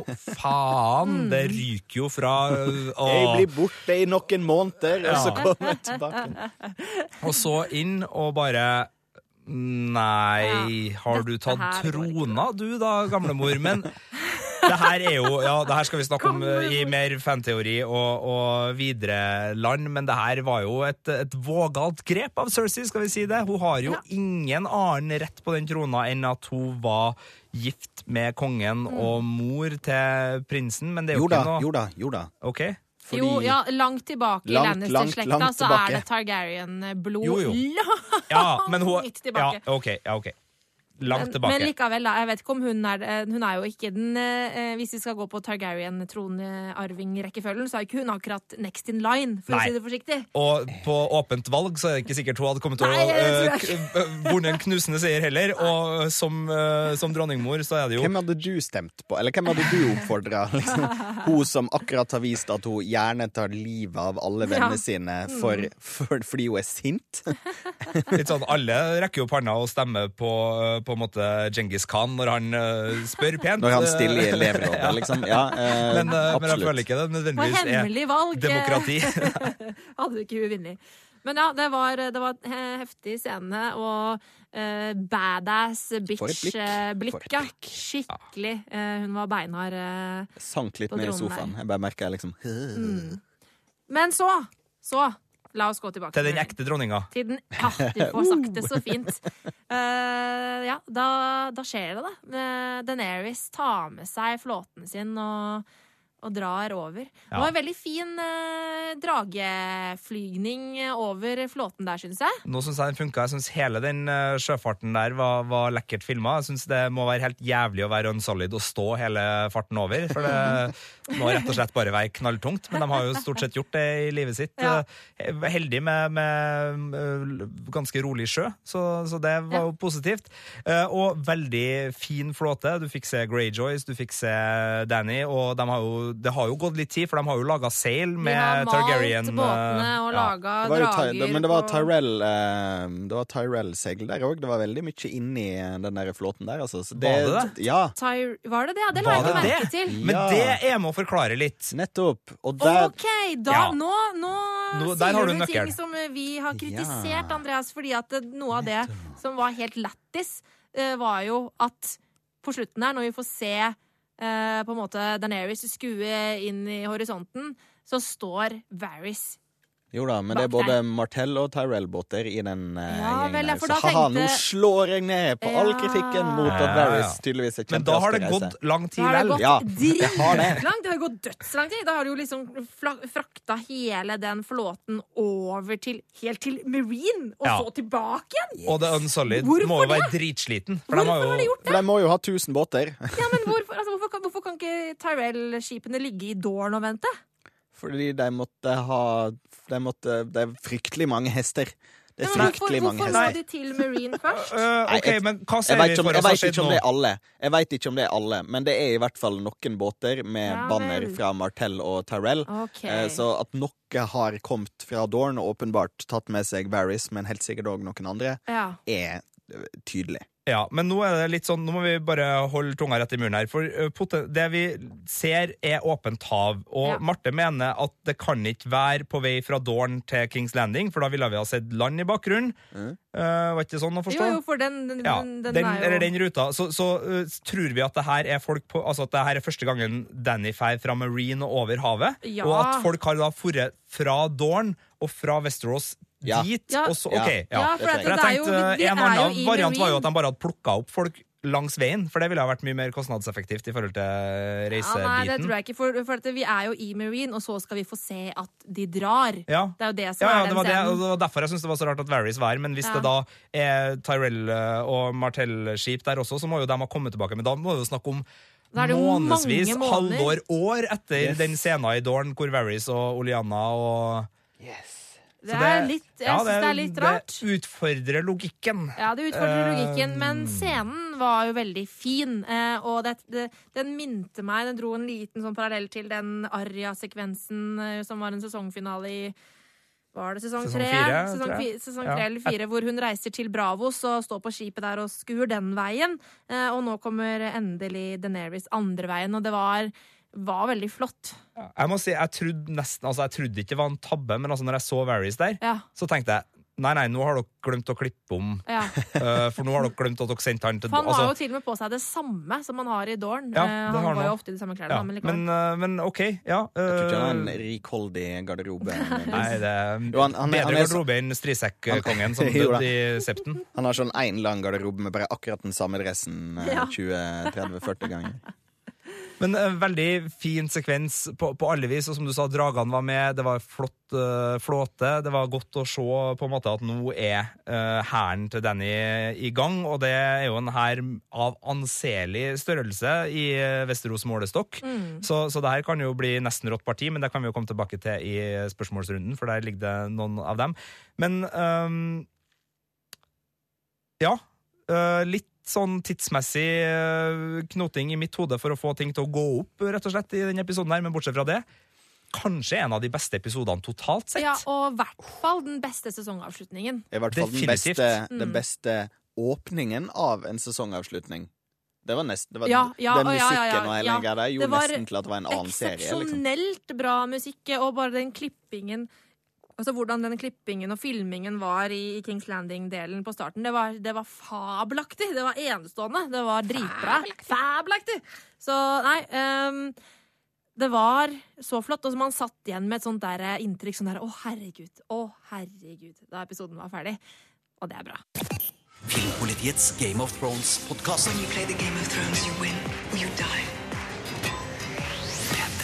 Da, min eh, gode venn, eh, skal vi hoppe videre til noe som jeg syns kan være ganske vanskelig, eh, fordi sesongfinalen var så sykt bra.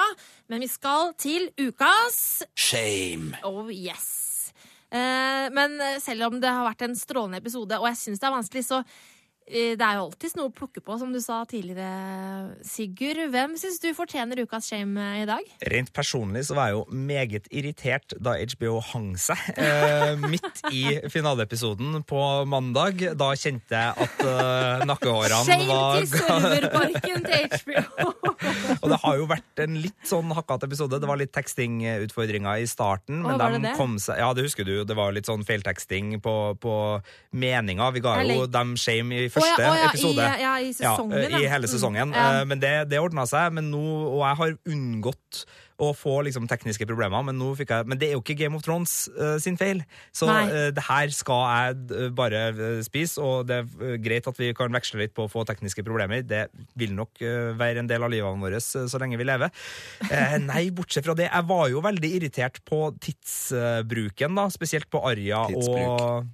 og Tidsbrus. Tidsbruken. Tusen takk, Andreas. Eh, Godt å få med en puppereferanse Yes. der du kan. Det har vært veldig mye kukereferanser. Ja, eh, ja, ja, herlighet. Er Det, det skal vi ha med oss. Men eh, nei, så jeg, jeg er Altså, sjøl om det går opp veldig fint, og det er veldig sånn plottvennlig, det her eh, tidsbruken i denne episoden, så lurer jeg på om jeg syns uh, at det ble eh, drygt at både Arja og Varys og alt det her skulle, skulle skje innenfor det samme, men, men Nei, det var tull. fordi jeg hadde misforstått Tull. eh, siste ja, men likevel biten. så er det jo litt sånn rart, rart Ja, jeg- jeg- klippetempo, da. I. Ja, Ja, for jeg synes de er, det er for belønnende. Det er for bygd opp for at vi skal få alt samla. Jeg syns det går på troverdigheten løs. eh, Fordi ja, Game of Thrones, vi vet ikke tidslinjene, sånn, men jeg føler at vi er på samme tidslinja lell, stort sett. Og når de begynner med så store ting her, så, så, så ødelegger det litt fiksjonstroverdigheten for min del. Det, Jeg- jeg det ødelegger ikke, men det, men det, eh, det det slår på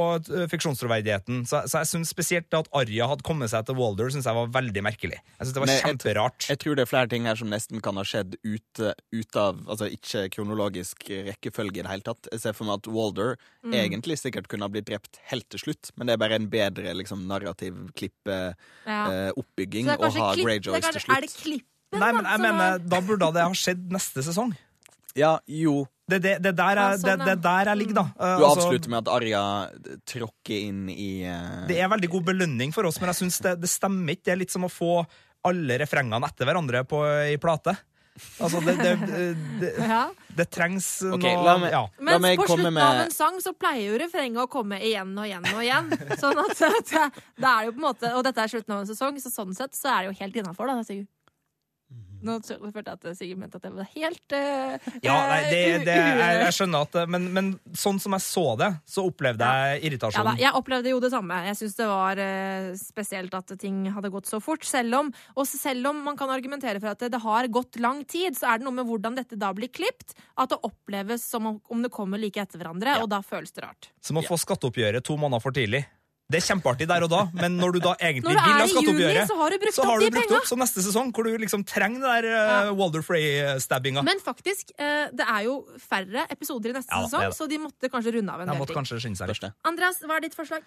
Mitt forslag er um, Jeg vil jo fremdeles hevde at Tommen døde på grunn av Altså, jeg, jeg har ikke tenkt Nei, men hør, da. Jeg har ikke tenkt å eh, si at jeg skal ha all kronisen i verden. Nei. Eh, men Cersei lot sønnen sin være aleine gjorde hun. etter at hun nettopp hadde drept hans uh, kone, Mm, som han var kjempeforelsket i. som han var kjempeforelsket i. Hans mentor, som han på en måte var kjempe-man-crushy på. Ja. Og alle Hun visste at han var en emo-kid. Ja, og alle vennene han har i verden, mest sannsynligvis. Mm. Og så bare eh, kaller hun på eh, Kaller hun på, eh, på mm, Mr. eh, Undead Clegane igjen, Ja. og lar han være aleine igjen i et tårn. Ja. Det er Hei, Cersei. Det er ikke veldig lurt. Det er litt dumt, faktisk. Eh, Så hvis jeg skal peke på en figur og si eh, du var ikke kjempesmart eh, denne episoden her, så er det jo Cersei. Ja. Selv om hun endte med å sitte på trona og Ja. se badass ut i rustningen sin. Altså, jeg tenker kanskje at uh, The High Sparrow fortjener litt, fortjener litt shame, da. Altså, han, eh, var, han var så sikker på sin egen sak. Han undervurderte Cersei noe så til de grader. Eh, hva heter det? Hovmod står for fall, heter jo eh, uttrykket. Og det var jo virkelig eh, hans på en måte hovmod som eh, gjorde at eh, alle de menneskene ble drept. Han Eh, trodde på prosessen forma seg. Eh, Ja, men det er jo noe med at uh, i en terrorbalanse hvor alle kan trykke på den røde knappen, så er det på en måte ingen som gjør det. I en sånn, Hvis man ser på kald krig og USA og Sovjet, uh, den type ting. Mm. Men når du har en mad mad Ja, queen, det er jo nettopp så- det. Han, han så jo ikke hvem han egentlig spilte mot. Han skjønte jo ikke alvoret her. Han skjønte jo ikke at hun faktisk er villig til å la byen brenne, og ikke ha noe særlig å Mm. Regjere over. Så, men jeg kan være med på den. altså. Jeg syns jo High Sparrowen har vært en irriterende douche i hele sesongen. Mest fordi at vi har fått uh, så mange samtaler om uh, troen, og troen er pilarene i vårt samfunn. Noe som jeg syns har vært uh, på en måte mantraet for kjedsomhet oppi det her. Selv om det har vært en god sesong, så har jeg kjeda meg i religiøst selskap med sju guder. Mm. Så for all del, altså, hvis du åpner for at High Sparrowen skal få seg en kilevink, for all del, jeg er med. Greit. Jaså, eh, jeg får det som jeg vil? Du får det som du vil. Du får det som du vil, Marte. Shame! Shame! Mest fordi han dro med seg så mye folk som egentlig kunne vært redda. Ikke sant. High Sparrow, du fortjener skam, ass. Filmpolitiets Game of Thrones-podkast. Med det går vi videre til ukas drageegg. Og det er jo enda vanskeligere enn ukas Nei, det er shame, for der var det så mange godbiter! Det er kjempelett. Ok, Andreas, du begynner. Oleana Tyrell som oh, ja, verbalt bitch-slapper hele Dorn-plottet gjennom alle sesongene Dorn har eksistert. Og Ja, det, det, det er, det er. Oleana som kommer inn og fikser Dorn. Det er det hun er.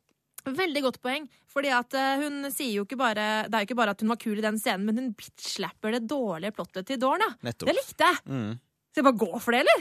Ja, Det er jo noe fin musikk eh, Ja, jo. i starten her, da. Ja, ja, Greit. det eh, Ramin Javadi, ja. eh, som er komponisten, Fantastisk. fortjener nok eh, et eller annet Mm. Åh, ja, men jeg hadde så lyst Jo da, jeg, jeg kan være med Ja. på, på nydelig musikkskriving. Ja, men Jeg ble Ja. nesten med på Dorn-bitch-slappinga, for det er jo også kjempeartig. ja, ja, det var vanskelig. Musikk eller eh, eller eh, Nei, vet du hva? Ok, Nå skal jeg være litt kontroversiell, for nå skal vi jo straks videre til eh, å snakke litt om hele sesongen som helhet. Så jeg foreslår eh, drageegg til Olenna Tarell for bitch-slapping av Dorn i ukas episode, og så drageegg til eh, komponisten for herlig eh, lydspor i sesongen. Som en helhet. Ok, Jeg skal være ærlig innrømme at jeg har ikke lagt så merke til det som i siste episode. Det var denne episoden som virkelig fikk meg inn i at musikken hadde dramaturgisk eh, merverdi eh, Ah, okay. i det store og det hele, men jeg kan være med på den. Hva med deg. Andreas? Hva tenker du? Er det bare sesongen Er det bare episoden det var bra musikk i? Nei, Eh, nå må jeg bare altså- spørre, Er det han som har laga kjenningsmelodien nå? I så fall så, er, så får han ikke sesong jeg. etter. Han har lagd uh, musikk for Game of Thrones siden 2011, i hvert fall. Eh, sitter jeg og gløtter her. Også, skal vi se eh, Andreas gjør research med under På direkten! Wow! Det her-! Dette er det som er så bra med podkast, at det bare er helt innafor å google ting mens vi snakker. Nei, men det, jeg kjenner, det, var ikke, det var ikke kjempeengasjement for det, eh, merker jeg her nå. Ja, mest på Eh, episoden, ja. mest Music, episoden. music by uh, Ramin Javadi. Så det var samme Ja. fyren uh, som òg har lagd Tits and Horses, Tits and Horses. Ja, da er jeg med. da er jeg Jeg med Hvis det er han som har laga tror penis, penis, penis og wiener, wiener, wiener, wiener, wiener, wiener, Litt usikker på om det var det han tenkte. Det Da må vi bare anta. Så hvis det stemmer, tar det forbeholdet. Uh, og litt hjelp fra South Park og gode folk på internett har han jo fått i tekstlegginga, men det er jo et fantastisk score. Og ja, for all del, Marte. OK. Greit. Uh, uh, Olena Tarvel, du får drageegg for bitch-slapping av Dorn for sesongfinalen. Ramin Javadi, du får drageegg for fantastisk musikk i hele sesongen og for uh, rett og slett kjenningslåta. eh, Låta. Penis, penis, tits and ass Oss! Horses. Dette var veldig useriøst. Nei, beklager. Okay. Vi beklager. La oss være seriøse. Ja, la oss være seriøse. Men uh, i og med at vi er på episodeopprullinga, og det ikke er en ny episode å spå, skal vi ta Death Watch-oppsummeringa med det samme, eller? Ja. Greit. Death Watch. Hvem dør i neste episode? Det, uh, Det kan godt være det mange som dør i neste episode. Eh, Ok, eh, vi, vi tar ikke den delen av dette vårs, vi tar oppsummeringa. Ja. Og jeg tok da så skammelig feil at det er du fortjener er nesten minus Ja, i jeg kronisen. tenkte på det. Nei, Skal det, Sigurd det, det, minuskronis? det, det er ikke jeg med på. Men vi kan jo Nå skal jeg bare roe meg ut av det her, Sunne. Andreas, du fikk jo rett. Du Yes. fikk jo en kronis på tommen. Da har Mm. du to kroner i seg, for du får ikke de tre vi sa at du kunne få hvis din teori om at uh, sir Altså- Robert skulle rive i stykker uh, Dør jo av ignoransen til Robert. Men én kronis får du der, så da Ja. har du to. Ja. Marte Hedenstad, du gikk for den røde prestinnen Ja. Melisandre! Oh, det var så nedtur at hun bare ble forvist, så der var det, ble det bare landa på fire kronis. Du landa på fire. Det gjorde jeg også. Og det betyr at vi er uavgjort. Det gjør det. Men ehm, Siden du tok så jævlig feil. Nei, nei, nei, jeg skal ikke dit. Men, du, men, men uh, hør, meg, hør meg likevel. Det er jo ikke, uh, vi er jo ikke sånn vinner og taper nødvendigvis. Er vi Men In the game øh, of kronis. det er Altså, det har kommet inn folk for eksempel som Marianne som sier hvis jeg skulle bestemme, bør Marte sitte på Oi, kronistrona. har det kommet en mail om det? Eh, nei, det har kommet på andre sosiale oh, ja, medier. ja. Men, og, og her er grunnen til at du allikevel vinner, da. Oi, Eh, det er fordi at du har fått på fire ulike Altså du har fire kroneiser samla gjennom mer eller mindre hardt arbeid. Du har tatt et par obvious og stjålet noen. Eh, det får så være. Men du har fått fire kroniser fra fire forskjellige. Ja. Jeg tok fire i ett jafs på en settlekkasje. Ja, Jeg skjønner at jeg er Walder Frey uh, i det her uh, greia, og at uh, trona eh, altså Game of Crones eh, er den er din, så for sesong seks, Marte Hedenstad, du er vinner av Death Watch. Med mindre Andreas har noen innvendinger. Yes, Jeg har jo alltid innvendinger, bortsett fra denne gangen. Jeg er helt enig. Ja, ok da, ja, ja, ja. Grattis, Marte. Vel fortjent. Tusen, tusen, takk. Men jeg skal dele isen med dere, altså. Det skal du. Og jeg skal allikevel ha fire kronis. Ja, ok. Eh, Filmpolitiets Game of Thrones-podkast. When you play the Game of Thrones, you win or you die. Ja, nå har vi snakka godt og lenge eh, om Godt! eh, om sesongfinalen.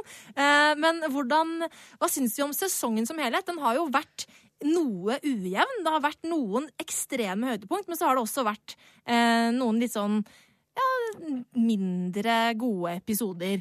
ja. Det har det. Og noen mindre gode plott, og noen helt fantastiske plott. Ja. Men uh, jevnt over, og det er jo lett å si når man er på, på en eh, opptur sånn med siste episoden, Ja. så har det her vært en veldig god sesong av Game of Thrones, syns jeg. Eh, Jeg syns handlingsmessig. Den, jeg syns den begynte veldig bra og avslutta veldig bra. Og så er det, en, sånn som det jo ofte er i eh, serier, en litt sånn smågroms i midten.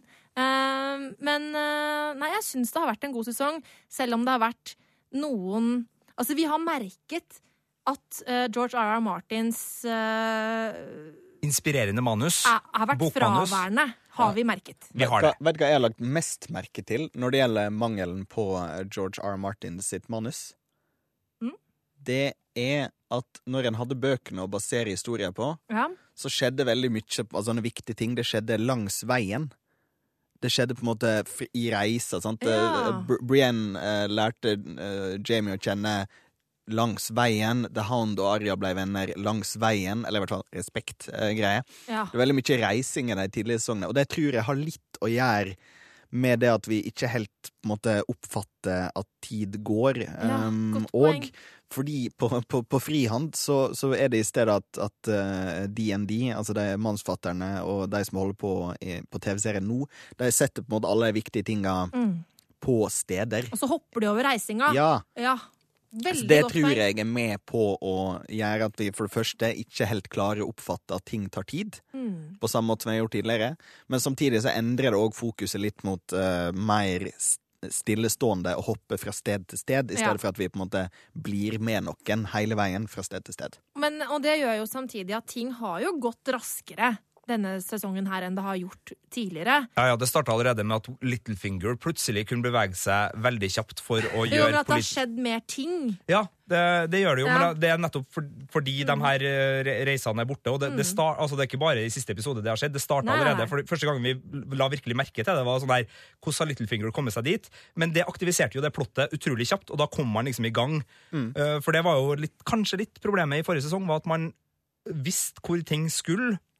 Men det kom aldri i gang. ja. Fordi da, du måtte liksom, Og så må den personen dit, og så må den personen dit. Så må Det den har vært det, mer det. effektiv historiefortelling på den måten, selv om, og det er jo positivt i den forstand at det blir mer engasjerende å se på, men negativt i den forstand at man får disse problemene med reising og tidsperspektiv som ikke helt henger på greip. Ja, og så får man noen karakterer som blir uh, litt for kjapt avvikla og litt for lite. Altså, det var flere som vi har blitt kjent med denne sesongen her, som jeg gjerne skulle ha tilbrakt litt mer tid med og fått på en måte den eh, emosjonelle tilknytninga til. Hvem da, tenker Eh, du? da tenker jeg både på teaterfolk, og jeg tenker Ja. på aller mest på Ian McShane sin Ja. Brother Ray, selvfølgelig, Mm. som bare var innom. Men, men, men de har jo blitt drept, stort sett alle sammen, så, og de har jo gjort sin funksjon. Men det har vært mulig for Hvis man ser tilbake på tidligere sesonger, så er det mer samtaler som på en måte ikke har plottverdi, men som bare er karakterbyggende. Mm. Og dem har det ikke vært så mange av, selv om det har vært noen veldig gode. Men Og- det er litt de mindre flest, av det. Og de fleste av de er bygd på det vi har sett i de tidligere sesongene, der George R. Martin har hatt eh, i hvert fall um, en tanke om kontroll. Nettopp sånn som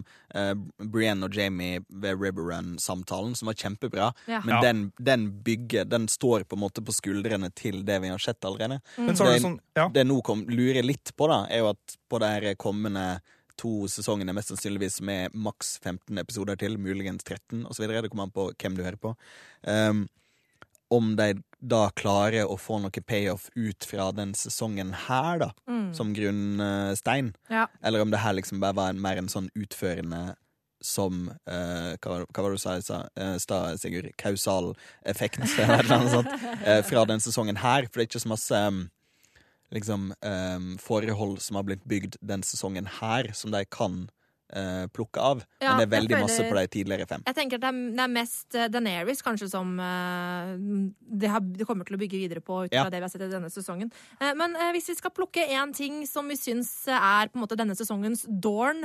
hva, hva vil det være, tror du, Andreas? Bortsett fra Dorn. Det har ikke vært så mye Dorn denne sesongen, da. Nei, godt poeng. Um, jeg, jeg, um, jeg skal la være å si eh, religiøst eh, utstrakt plott, fordi Sigurd mest sannsynligvis kommer til å nevne det. Eh, men jeg tror kanskje jeg må Det er litt sånn eh, Et par sånne eh, som har vært litt waste. Eh, Litt sånn, som du sa, da, Brother Ray, som eh, virker som en kjempegull figur, men som plutselig må bli borte. Ja. Um, jeg er litt usikker. Kan dere sette i gang, og så skal jeg Ja, prøve å tenke litt? Uh, jeg kan si utstrakt religiøs uh, opplegg i Kings Landing. Nei, ja, det har ikke vært uh, ukas start. Nei, jeg syns det var- ble for langdrygt. Det var for mye tid der i forhold til payoffen vi fikk. Uh, det er jo lett å si etterpå klokskapens lys, men ikke, de hadde ikke klart å samle alle på samme måte Nei da, det, i det kan si, den, den payoffen den, den payoffen var her, men, eh, men det var veldig mange eh, sånn mulige politiske vrier og vendinger der, med liksom hvem skal bli den nye Ja, de Kings bygde Landing-greia. jo opp til masse Bygde ting opp- som bare ikke ja. ble noe av. Men det, det er litt kult òg. Så, så, men nei, min, sånn, øh, min store skuffelse var egentlig bare at uh, Jeg synes Hvis de hadde gjort ting med Arja mye tidligere, så hadde det vært helt naturlig at Walder ble kutta på slutten. Men i og med at de brukte så lang tid på, på å liksom ha montasjer med Arja som trente som Rocky, og skulle ha to episoder i kamp mot kjeppjenta, mm. Jeg synes den, og jeg synes også den teatertruppen Det ble liksom litt noe uforløst med den. Da. De hadde kjempeskuespillere inn der som kunne virkelig ha tatt det plottet, og i bøkene så går jo det plottet i en annen retning. Så jeg er litt skuffa over Arja-linja, selv om den fikk en veldig god payoff på slutten. Jeg er litt enig med deg, Sigurd. Jeg er litt skuffa over Arja-linja. Og så er også det som kanskje har irritert meg mest med denne sesongen, er den der fingeren til fansen-greiene. For det er jo nettopp det den teatertruppen har vært. De har henta inn masse kjente skuespillere, dyktige skuespillere til den teatertruppen, sånn at vi som har lest bøkene, forventer, og har lest eh, de kommende kapitlene som er sluppet av Winds Winter, forventer at OK, Arja kommer til å stikke av gårde med den truppen. Um, som da ikke skjer. Og det er jo en sånn De gjør det jo med vilje. Leier inn masse kjente folk til en trupp som i bøkene blir masse mer med. Så, det er jo en sånn fingeren til oss. Men, eh, men nei, altså, det, det jeg syns kanskje var det verste med sesongen, var at Arja var så dum. At uh, Arja lot At uh, Arja var så kjø, øh, kjødesløs Kjødesløs Kjødesløs? Nei, La oss ikke snakke om det. Hun var veldig. Hun, eh, hun dreit seg så innmari ut, da. eh, Og gjemte seg dårlig og kasta rundt seg med penger. Hele den greia der. Det var noe av det dårligste jeg syns med sesongen. Selv om jeg syns eh, fin, Altså finalen, når hun sier liksom I am Arya Stark, var veldig fin. Den var veldig fin. Men nå har vi vært altfor negative, Nei, føler jeg. hva er det beste med Ja. sesongen? Og der er det jo ganske mye å ta. Vær så god. Jeg kan bare si at Det beste med denne sesongen her er at innhøstinga har begynt. Og Det er jo derfor det er litt sånn som det vi har kritisert, for vi er ikke vant med men det er jo fordi at det har vært et skifte denne sesongen, med at man har drevet og sådd og sådd og sådd plotlines, man har sådd karakterer, man har sådd eh, konflikter, eh, og eh, nå begynner man endelig å høste inn alt det her. Det er jo derfor det har vært dødsfall i alle episodene, bortsett fra én, så vidt jeg kan huske. Eh, Fordi nå er det folk som har motivasjon for å ta hevn. Nå er det masse av dem der som vi fikk elleve av i sesongavslutninga. Det, vi har- altså, det vi har gått og venta på. Du må drepe dem, du må ta hevn på dem. De må gjøre det, de må reise dit. De må bli sammen, de må få en allianse. Og at uh, vi blir overraska igjen. Det, Ja. Sånn som du nevnte i stad, Andreas, at uh, Mm. de tok en ned. Altså, nå, nå blir vi liksom lurt på en måte litt. Altså, nå, nå er på en måte alt tilbake der det skal være. At hva som helst kan skje i Game of Thrones, og det er en herlig følelse. Og så begynner vi å lukte julemiddagen. Altså Ja. nå, nå er klokka tolv, og vi liksom bare merker at nå begynner liksom lukta fra den store finalen å komme. Nå er White Walkersa på, på, på tur. Dragene er fullvoksen. Og den store konfliktlinja som på en måte har ligget under, men som ikke har kommet ordentlig fram, begynner nå å ta form. Nå er både folk i nord på vei sørover, og de i sør er på vei nordover. Det liker jeg, og det klarte denne sesongen her å avslutte på ypperlig vis. Helt enig. OK, favorittscene i hele Scene, sesongen. eller OK. Av scene, Andreas. Favorittscene. Jeg, det er et dritvanskelig eh, spørsmål. Enkelt, enkeltscene. Ja. Så tror jeg fort det kan være Hold the Door, for bare liksom uh, Som viser bare Kjøre Det viser de lange linjene, at de fins i det her universet. Men som sånn uh, plottbevegelse så er jeg Du eh, får ei scene, Andreas.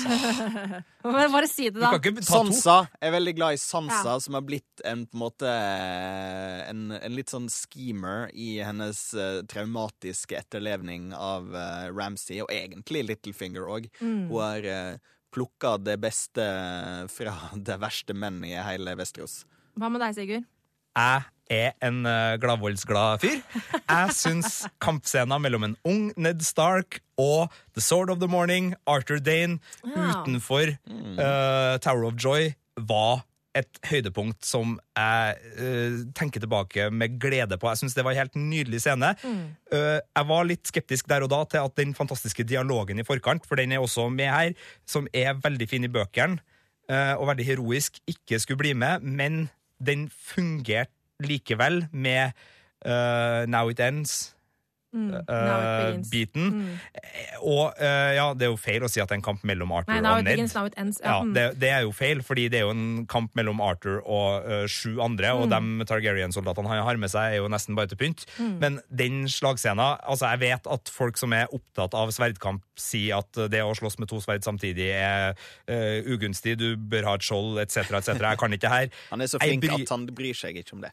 Nei, og jeg, og jeg bryr meg så mye om det. Jeg liker Gladvold, som sagt. altså Det trenger ikke være realistisk. Og det her var en skikkelig payoff-scene som endte på uskjelt vis, men fordi vi vet hva Ned skal, og hvorfor på en måte hans gode venn faren til Mira ah, Hjelp meg! Uh, Mo- Eh, uh, Howland Reed. Ja, uh, var litt uh, uskjelt på slutten der, men, men åh, for en karakter Arthur Dane var. Han var bare der i fem minutter, men fy søren, altså.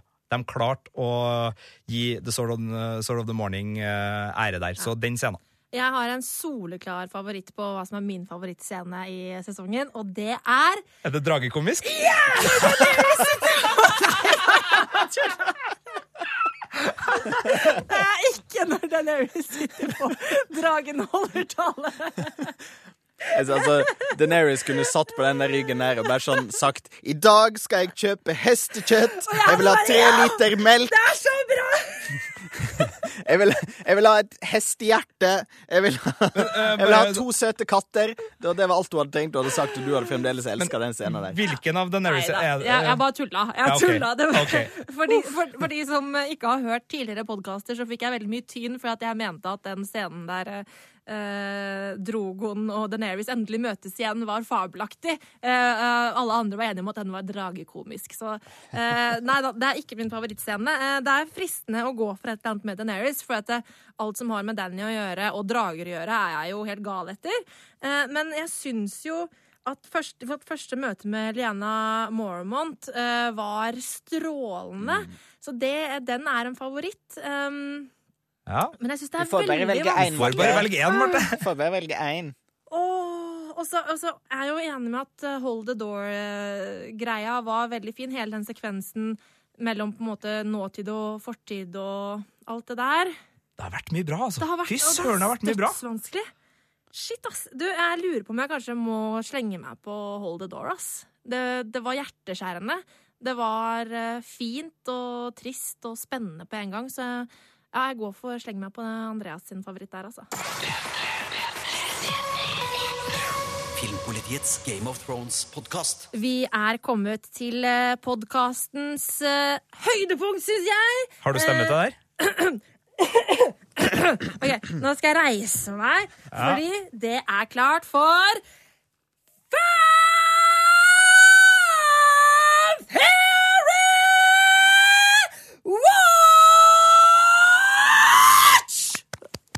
Og der falt headsetet mitt uh, faktisk av. Og jeg ble litt svimmel òg. Nå har du en sånn sveis som har et uh, kallenavn. Uh, Fuglesveis. ja, det var det. Du fikk det når headsetet gikk, og du satte på Sånn igjen. er det. Sånn, sånn går det når det går litt heftig for seg.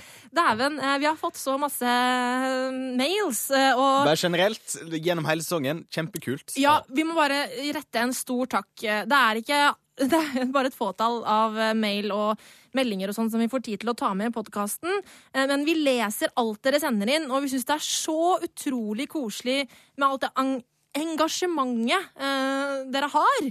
Eh, det er kjempegøy å, å få så masse respons fra deg som hører på, så keep up the good work. eh, for vi kommer jo tilbake til neste år, så ting er ikke ferdig. Og dere har fylt podden Dere har fylt med eh, så podden, mye ja. artig og fint, og påpekt våre tabber når teoriene våre har gått ad undas, sånn som min blant annet gjorde på Death Watchen nå sist. Ja. Men også komme med så mye kule småteorier og store teorier og artige betraktninger og Mm. gode poeng at eh, nei, det har vært en fryd å følge Game of Thrones samtidig som vi har fått en innboks fullt av gode poeng og Ja. masse kul uh, fanskvalder. Det er digg. Eh, og vi kan jo egentlig bare eh, kjøre i gang eh, med innsendte meldinger her. For Ingvild Tinglum Bøckmann hun har sendt oss en melding på Facebook. Um, og hun understreker at dette her gjelder sesongen som helhet, men ikke sesongfinalen, fordi den var helt eksepsjonelt bra. Men utenom det så syns hun at hun har liksom kjent på en sånn økende irritasjon for at hun syns at Game of Thrones har begynt å bli litt sånn klisjéaktig. Um, og så skriver hun Ingvild da selv om det fortsatt er en fantastisk serie, selvfølgelig, så syns jeg godt vandrer lenger og lenger inn på en allerede godt nedtrampa klisjésti. Eh, mye av særpreget i de første sesongene, og det som virkelig har gjort at serien skiller seg ut for min del, eh, er at den har vært mer uforutsigbar og brutal enn de fleste andre serier og filmer. Eh, og så skriver hun videre at hun på en måte det er bare biroller som har eh, blitt drept, og at hun ikke er redd for at de store hovedrollene skal dø lenger, osv. Um, hva tenker vi om det?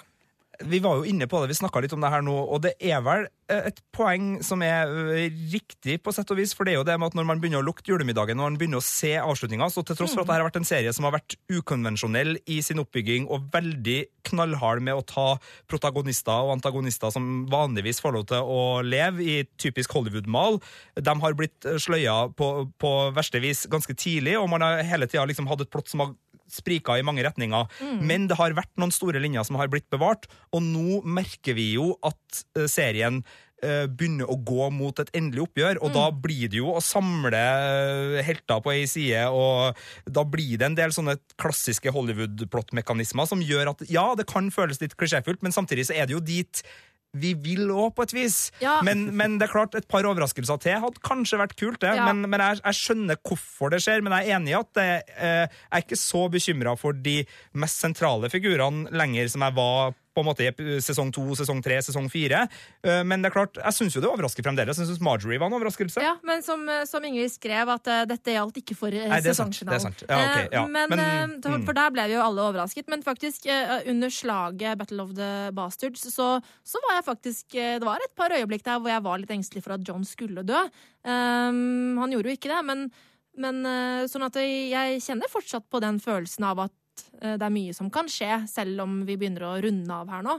Um, men, men det der med klisjé, altså, vi, vi snakket jo en god del om det, for eksempel eh, den der kjeppjenta-sekvensen var jo du ganske irritert på, Sigurd, fordi du mente at den der er jo en helt, ut, helt ute av stil med Game of Thrones, den jaktsekvensen der. Ja, den er, er James Hollywood- Bond, uh, Mission Impossible, Jason Bourne, uh, Fast and the Furious-sekvensen. Mm. Den er liksom klassisk i alle Hollywood-filmer, så jeg syns den var veldig rar å plassere inn i Game of Thrones-universet, Ja. som har vært befriende fri for akkurat den. Jeg syns også de har vært veldig innovative i slagscenene denne sesongen. Det synes jeg var Mm. veldig fint. De hadde flere, annet jernklubber til Benjen. De hadde den der hesteskomanøveren, eller knipemanøveren, Mm. på, på slagmarka i forrige episode, så jeg syns det har vært mye bra der. Ja. Uh, så, så, så jeg har likt det, men uh, nå tar vi jo det for gitt at vi ser hvor det skal gå hen. da. Ikke sant? Og det er jo ikke sikkert vi gjør. Det er jo ikke sikkert. Og, og som vi har snakka om i dag, at vi ble jo overraska til slutt. sånn at selv om det har vært et sånt lite opphold hvor ingen av de aller største rollefigurene har dødd, så smelter de jo til på slutten, da. Ja, De har bygd opp, og de har overraska. Mm. Så vanskelig å kritisere dem akkurat for den. Men tusen takk for spørsmålet, Ingvild. Eh, skal vi bare kjøre videre på med spørsmål, eller hva tenker du, Sigurd? Ja, jeg har et uh, litt uh, artighet som eh, passer veldig godt på sesongavslutningsbiten her. Ja. Uh, det her er fra Aylar von uh, Kuklinski, som har gitt oss tillatelse til å uh, gjøre ikke narr av, men påpeke det fantastisk, uh, jeg vil si erigerte uh, etternavnet Kuk. Kuklinski! Kuklinski! Og altså, Aylar, jeg bare sier tusen takk for at du har sendt inn spørsmål til oss. Og det passer veldig fint å ta det i sesongfinalen. En sesong som har vært full av kuk. Og så avslutter vi med Kuklinski. Ja, og drage. Det er jo en sesong full av drager. Ja, også Kuk- og dragebiten har vært, uh, Vært bra. Og her kommer et spørsmål uh, fra Kuklinski Ja. om drager. Uh, jeg har i skrivende stund et litt morbid dragespørsmål til dere. La oss si, av, la oss si at to av dragene til uh, Daenerys kommer til å leve ut uh, siste episode, siste Ja. sesong, men én av dem kommer til å bli drept innen den tid. Dette var et spørsmål som kom litt tidligere. Vi bare sparte, så dropp det der siste uh, Ja, eller nei, siste sesong. Herlighet, det er jo ikke nå sesongen. Nei. Glem meg, jeg snakker tull. siste Ja, eh, siste sesong. Men en av dem kommer til å bli drept innen den tid. Ja. Hvilken av de tre dragene hadde vært mest smertefullt å se dø, og hvorfor? Altså, Hvis en av dragene skal dø før Game of Thrones blir ferdig, Hvilken Vil vi, vil vi virkelig Marte så vondt som å stille det spørsmålet? Ja, ja, ja. Seff, selvfølgelig. Altså, det, det som jeg tenker er at det er jo veldig lett å si Drogon fordi at han har, er den dragen som har vært mest i, i fokus, og han har, fordi han har vært løs, kunne gjøre mest ting. Um, og han er den største og på en måte sterkeste av dem. Uh, men jeg bare En av de stedene hvor jeg har grått i Game of Thrones, er når, eh, når Daenerys låser Rhaegal og Viserion inne eh, under Marine.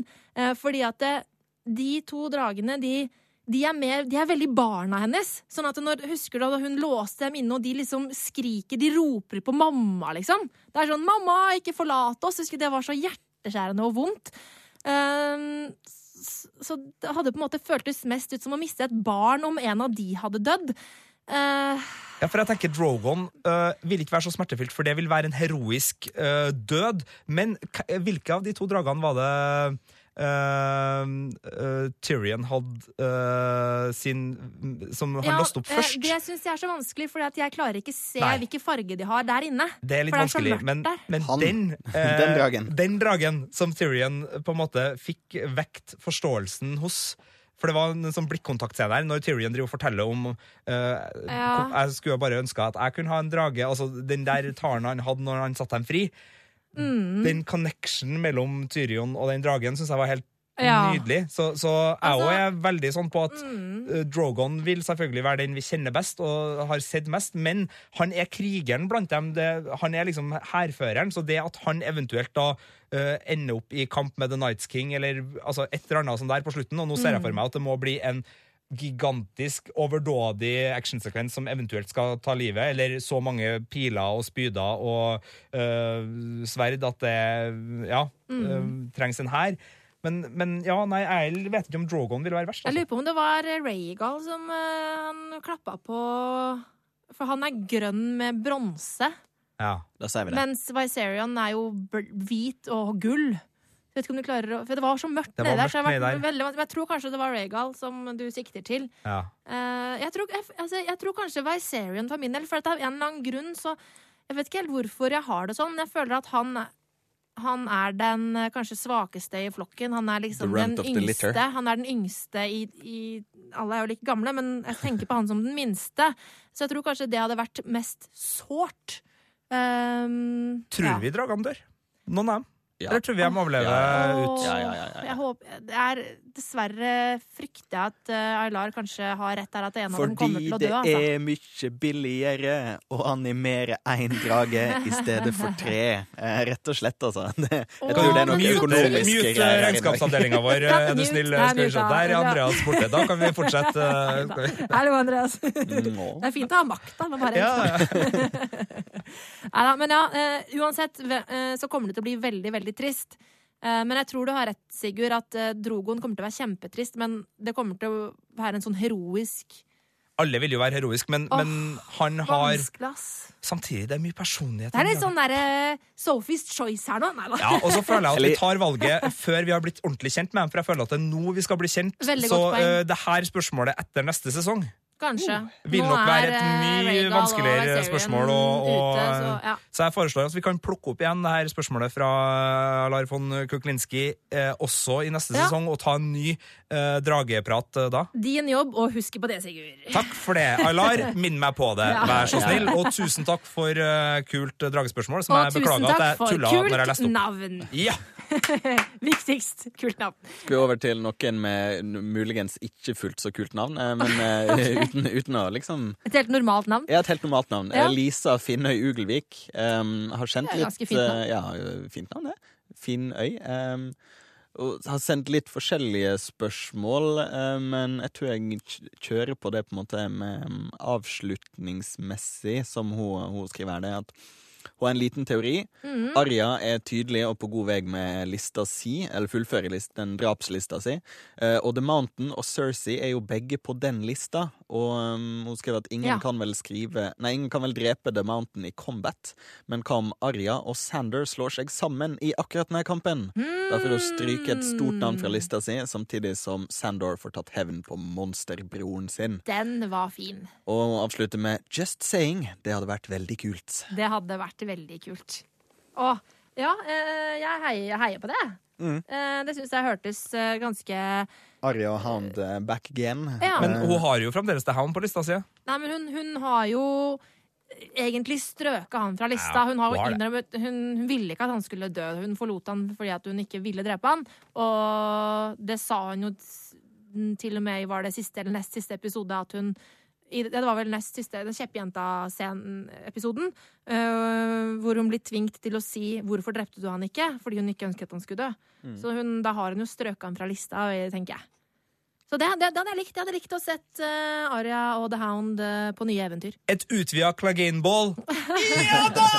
Du har uh, min øks og mitt sverd og min Ja. My bow. Og mitt uh, alt Ja. mulig. Mm. ja. OK. Jo, eh, vi har fått en mail som eh, jeg syns var så trivelig, eh, fra Thomas Mo Willing. Eh, som, han har faktisk sendt den direkte til meg. Hei til deg og de to andre entusiastene.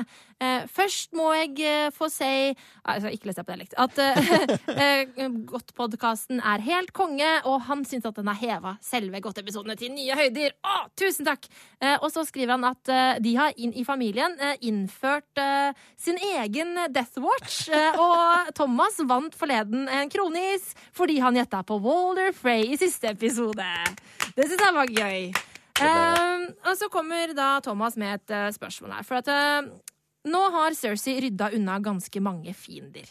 Uh, Men hun har også skapt en del nye. Tror vi at hun har tenkt veldig nøye på hva som skal skje etter at hun er krona? Det tror ikke jeg. Det tror ikke jeg heller. For det der var, et, var ikke det litt sånn derre Last i resort. affekt. I, ja.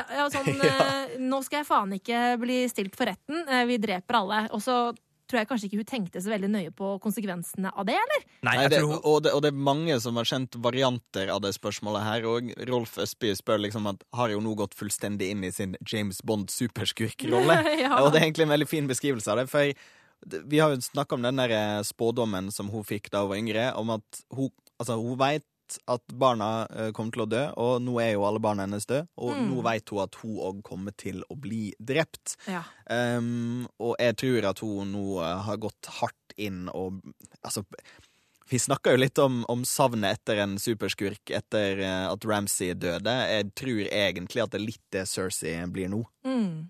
Hun har potensial. Og det som også er interessant, er jo der John skjønte at det er en fiende til der ute, så er jeg nødt til å eh, legge til sides eh, bitterhet og aggresjon og samle folk under meg og bygge Mm. en hær, så har jo Kings Landing-gjengen gjort det motsatte. Ja. De har splitta seg sjøl i tusen biter. De kunne ha hatt en sjanse til å kanskje stå imot et Daenerys-angrep ved å liksom bygge opp byen, hvis de har hatt et øre til den bakken. Og de bør jo vite at Daenerys er på vei. altså Det er ikke noe hemmelighet at det er en Targaryen med tre drager i Marine. Nei da, det vet det vet Cersei ut fra spioner, det bør hun i hvert fall vite. Og da å sette seg i en posisjon hvor For det er flere også som spør sånn hvordan er hæren til Cersei nå som dronning? Mm. Hun har eh, Lannister-hæren, jeg vet ikke hvor stor den er.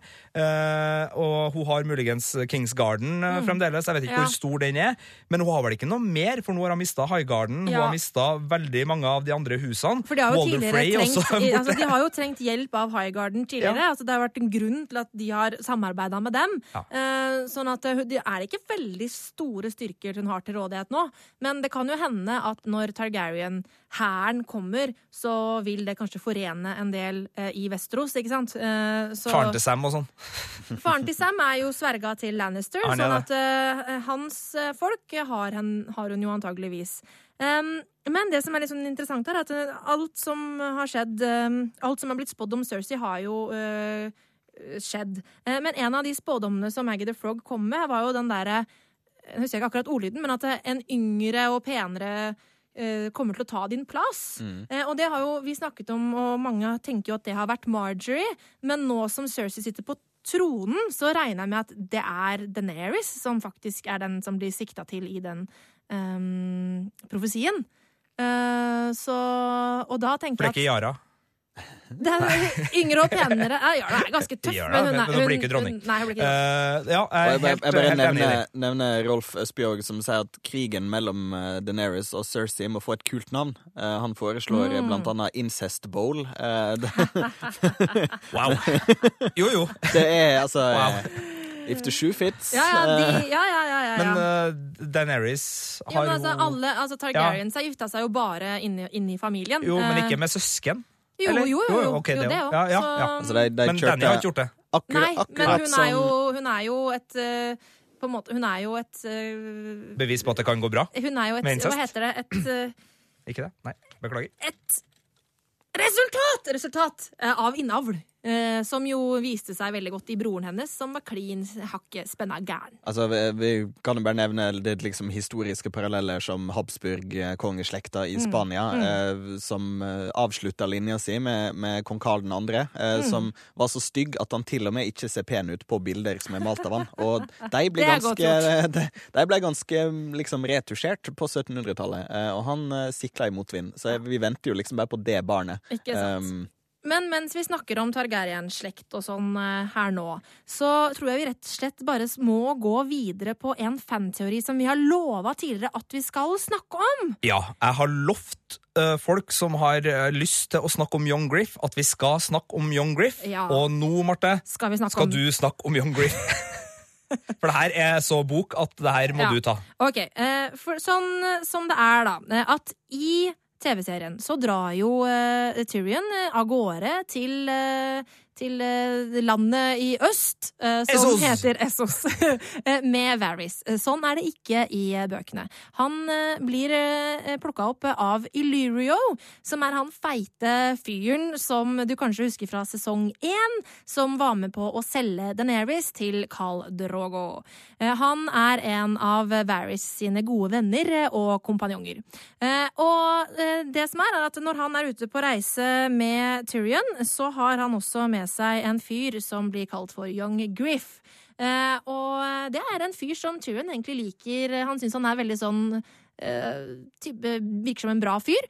Eh, men uh, Illyrio forteller til Tyrion at denne Young Griff i virkeligheten er Aegon Targaryen. Altså sønnen til Rhaegar. Eh, og da kan vi gå litt tilbake i tid, for vi husker vel alle historien om da The Mountain kom eh, til Kings Landing og drepte Rhaegar sin familie. Eh, nemlig han tok og drepte barnet til Elia eh, fra Dorn, eh, og før han da voldtok og drepte henne etterpå. Ja, og det her er den historien som også Prince Oberyn forteller til Mountain mens han driver og stikker med sverdet Ja. i den kampscenen fra noen sesonger tilbake. Ja. You murdered her, you raped her, you killed her baby. Ikke sant? Det var sønnen til Rhaegar, Det som da Aegon. angivelig ble drept. Så, og så eh, han, det, det var jo et dødt eh, barn eh, her i bildet. Og så forteller da Illyrio til eh, Tyrion at nei, men vent, det, dette skjedde faktisk eh, ikke akkurat sånn. Eh, fordi at eh, før The Mountain rakk å drepe Aegon, så fikk Varys bytta ut dette barnet med et eh, fattig barn fra Pisswater Bend i Kings Landing. oh, jeg er jo glad i den der Gin Alley, men Pisswater Bend Det er derfor denne historien, eh, Illyrios historie kalles for Pisswater Prince-historien. uh, men uh, uansett uh, så, eh, så forteller da Illyrio at Varys byttet ut barnet og reddet Aegon, sånn at eh, han da på en måte har blitt eh, oppdratt til å kunne bli ø, en ny konge.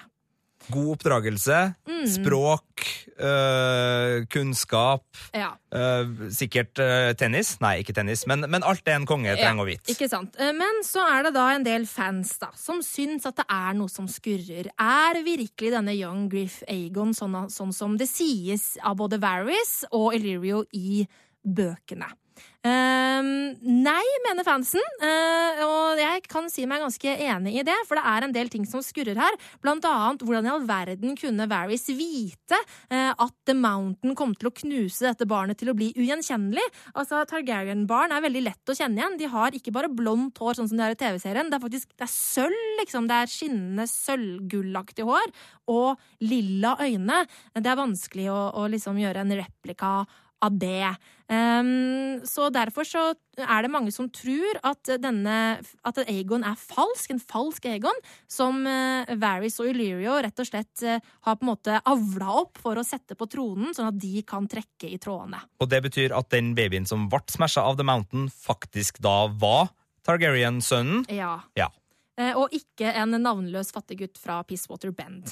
Så Illyrio lyver da til Tyrion Ja. akkurat om den biten. Akkurat om den biten. Hvorfor lyver han? Eh, jo, nei, altså han eh, lyver jo fordi at han, eh, han ønsker å få denne, denne kiden på tronen. Eh, og her er det også flere teorier om hvorfor eh, de ønsker å få akkurat denne kiden på tronen.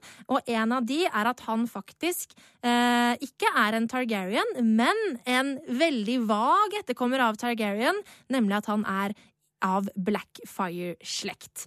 Eh, og Blackfire-slekt, det betyr at han stammer fra eh, en eh, bastard eh, fra back in the day. Eh, skal En. Targaryen bastard? Ja, det var da han godeste Aegon den fjerde. Eh, han Han, ja! han hadde veldig mange mm, barn på si. Eh, en av dem var Damon Blackfire. Um, og sammen med en annen bastard uh, som, um, som heter uh, eh, Aegor Rivers, så starta de masse kriger og her- herja rundt. Um, og det som er greia, er at Illyrio forteller til Tyrion at um, the male line uh, of uh, the Blackfires is extinct. Uh, og det, eh, sånn som vi vet, så sier jo aldri George R. R. Martin noe tilfeldig, og at han konsekvent skriver the male line, eh, vil da på en måte insinuere at det kanskje er at en kvinnelig eh, linje som har overlevd. Um, altså at det kan ha vært en, eh, en kvinne, en, Blackfire-kvinne, som har født et barn. Ja, og bare for å ta inn det her eh, eh, Blackfirerne har jo prøvd å ta krona flere ganger. Det har Mm. vært mange Blackfire Rebellions, så det her er en pågående konflikt denne Ja. teorien eh, Yes. tar tak i. Og i tillegg så er det vel et, eh, et leiesoldatfirma, ikke det? Jo, det er eh, et leiesoldatfirma, jeg liker det ordet. Som, Som fakturerer, ja. Som fakturerer, som heter The Golden Company. Og The Golden Company det ble starta av tidligere nevnte Blackfire og Uh, han Rivers. Uh, og uh, de er jo da selvfølgelig tro mot altså, de er heier på Blackfire, siden det er dem de er liksom som startet av. Eh, og disse til Golden Company er veldig kjente for å aldri ha brutt en kontrakt. Eh, men de bryter en kontrakt i bøkene, eh, og ingen vet helt hvorfor. Og da er jo teorien at dette er fordi at de er på lag med Aegon og Illyrio og Varys for å få en ny Blackfire innsatt på tronen. Så den teorien er at Young Griff er en Blackfire, og The Golden Company og Varys og Illyria skal da hjelpe uh, han fram. Ja. Ja. Men det her er jo ikke med i serien. Det her er ikke med i serien. Eh, og, og, det, og det styrker jo troen på at eh, den Aegon som vi møter i bøkene, ikke er eh, Aegon. Eh, at det i det hele tatt bare er en såkalt red herring, altså noe som prøver å sende oss på avveie for å få oss til å tro at det er enda en Targaryen eh, på vift, i tillegg til Daenerys. Ja, for hvis du tar tronerekkefølge her, hvis uh, Aegon er den uh, Varys og Illyria sier til Tyrion at han er, altså at Young Griff er en Targaryen, så blir det sånn kronemessig Han blir da, halv, han blir da halvbroren til Jon Snow, Ja. men uh, Jon Snow er bastard, så han på en måte trumfer Jon Snow, og han blir også da, fordi han er sønnen til den eldste sønnen til The Mad King, så trumfer han også Danny Ja. i uh, Westeros uh, kongerekkefølge. Så da er på en måte han den rettmessige tronarvingen, Ja. eh, nå som eh, Tommen har landa utenfor eh, vinduet sitt. Så... Så- så, det er jo en veldig sentral figur, men vi har ikke hørt nyss om det her i TV-serien. Det har ikke det, og, og det det forsterker jo troen på at det også bare er tull, det er løgn og fanteri fra Varys og Illyrio sin side i bøkene. For altså, George R. R. Martin har jo sagt at eh, ting eh, i både altså, bøkene og TV-serien eh, skal gå litt forskjellige veier nå, men at han tror at den samme personen kommer til å ende opp i jerntronen til slutt. Eh, og da virker det jo som om at eh, Aegon Targaryen, aka Young Griff, aka en Blackfire-sønn, ikke skal noe som helst sted no, i noen av eh, stedene, verken i bok eller TV-serie. Nei, Min magefølelse sier at uh, vi kommer ikke til å få noe av det her i TV-serien, men jeg liker Blackfire-teorien i bøkene, og det trenger ikke å ødelegge sluttpoenget, på en måte, for hvis det er en Blackfire, så er det jo på en måte ikke en rettmessig tronarving. Og så er det jo sånn artig Varys-teori, som Ja. går på Blackfire-teorien om at Varys faktisk er skalla fordi han ikke kan vise fram sin hårfarge. Yes, fordi at Og det er jo noen som tror at og det er enda at en teori. For det Ja. er også hvorfor vil, hvorfor vil Varys ha denne falske Aegon på trona? Én ting er jo fordi at kanskje ja, han kan trekke trådene og ha en falsk Targaryen som han kan styre. Noen andre tror at det er fordi Varys er en Blackfire selv. yep. Eh, og at det er grunnen til at han alltid er skinna, fordi han har egentlig sølvhår. Han er ikke bare skalla, da. Eh, Jeg, ja, så, men det, er, det er veldig mye er teorier. Eh. Ja, og Varys er også mye mer uh, hyggelig i TV-serien enn i bøkene, kan man si. Altså Han er en mer utspekulert og slu fyr i bøkene, ikke sant? I hvert fall som uh, han, han, han er veldig likende. Jeg Ja. liker han, men han er enda mer utspekulert, i hvert fall som vi har fått se. Ja. Eh, men eh, For i TV-serien også så syns jeg jo han har vært beint fram hyggelig, siden eh, han hjalp Tyrion. mm, og, og i TV-serien så er det også veldig tydelig at han vil bare vil det beste for Vesterås og sånne type ting. Ja. Mens i bøkene så uh, hintes det til at han gjør dette litt mer for, for egen vinnings skyld, da. Ja. Uh, Veldig, en veldig stor og intrikat teori som springer ut i så mange teorier. Eh, men poenget er jo dette med at i bøkene så er det en at så, så, så blir Tyrion fortalt at det fins en til overlevende Targaryen, nemlig Aegon Targaryen, og så tror fansen at det er løgn. There is another Skywalker. Oh.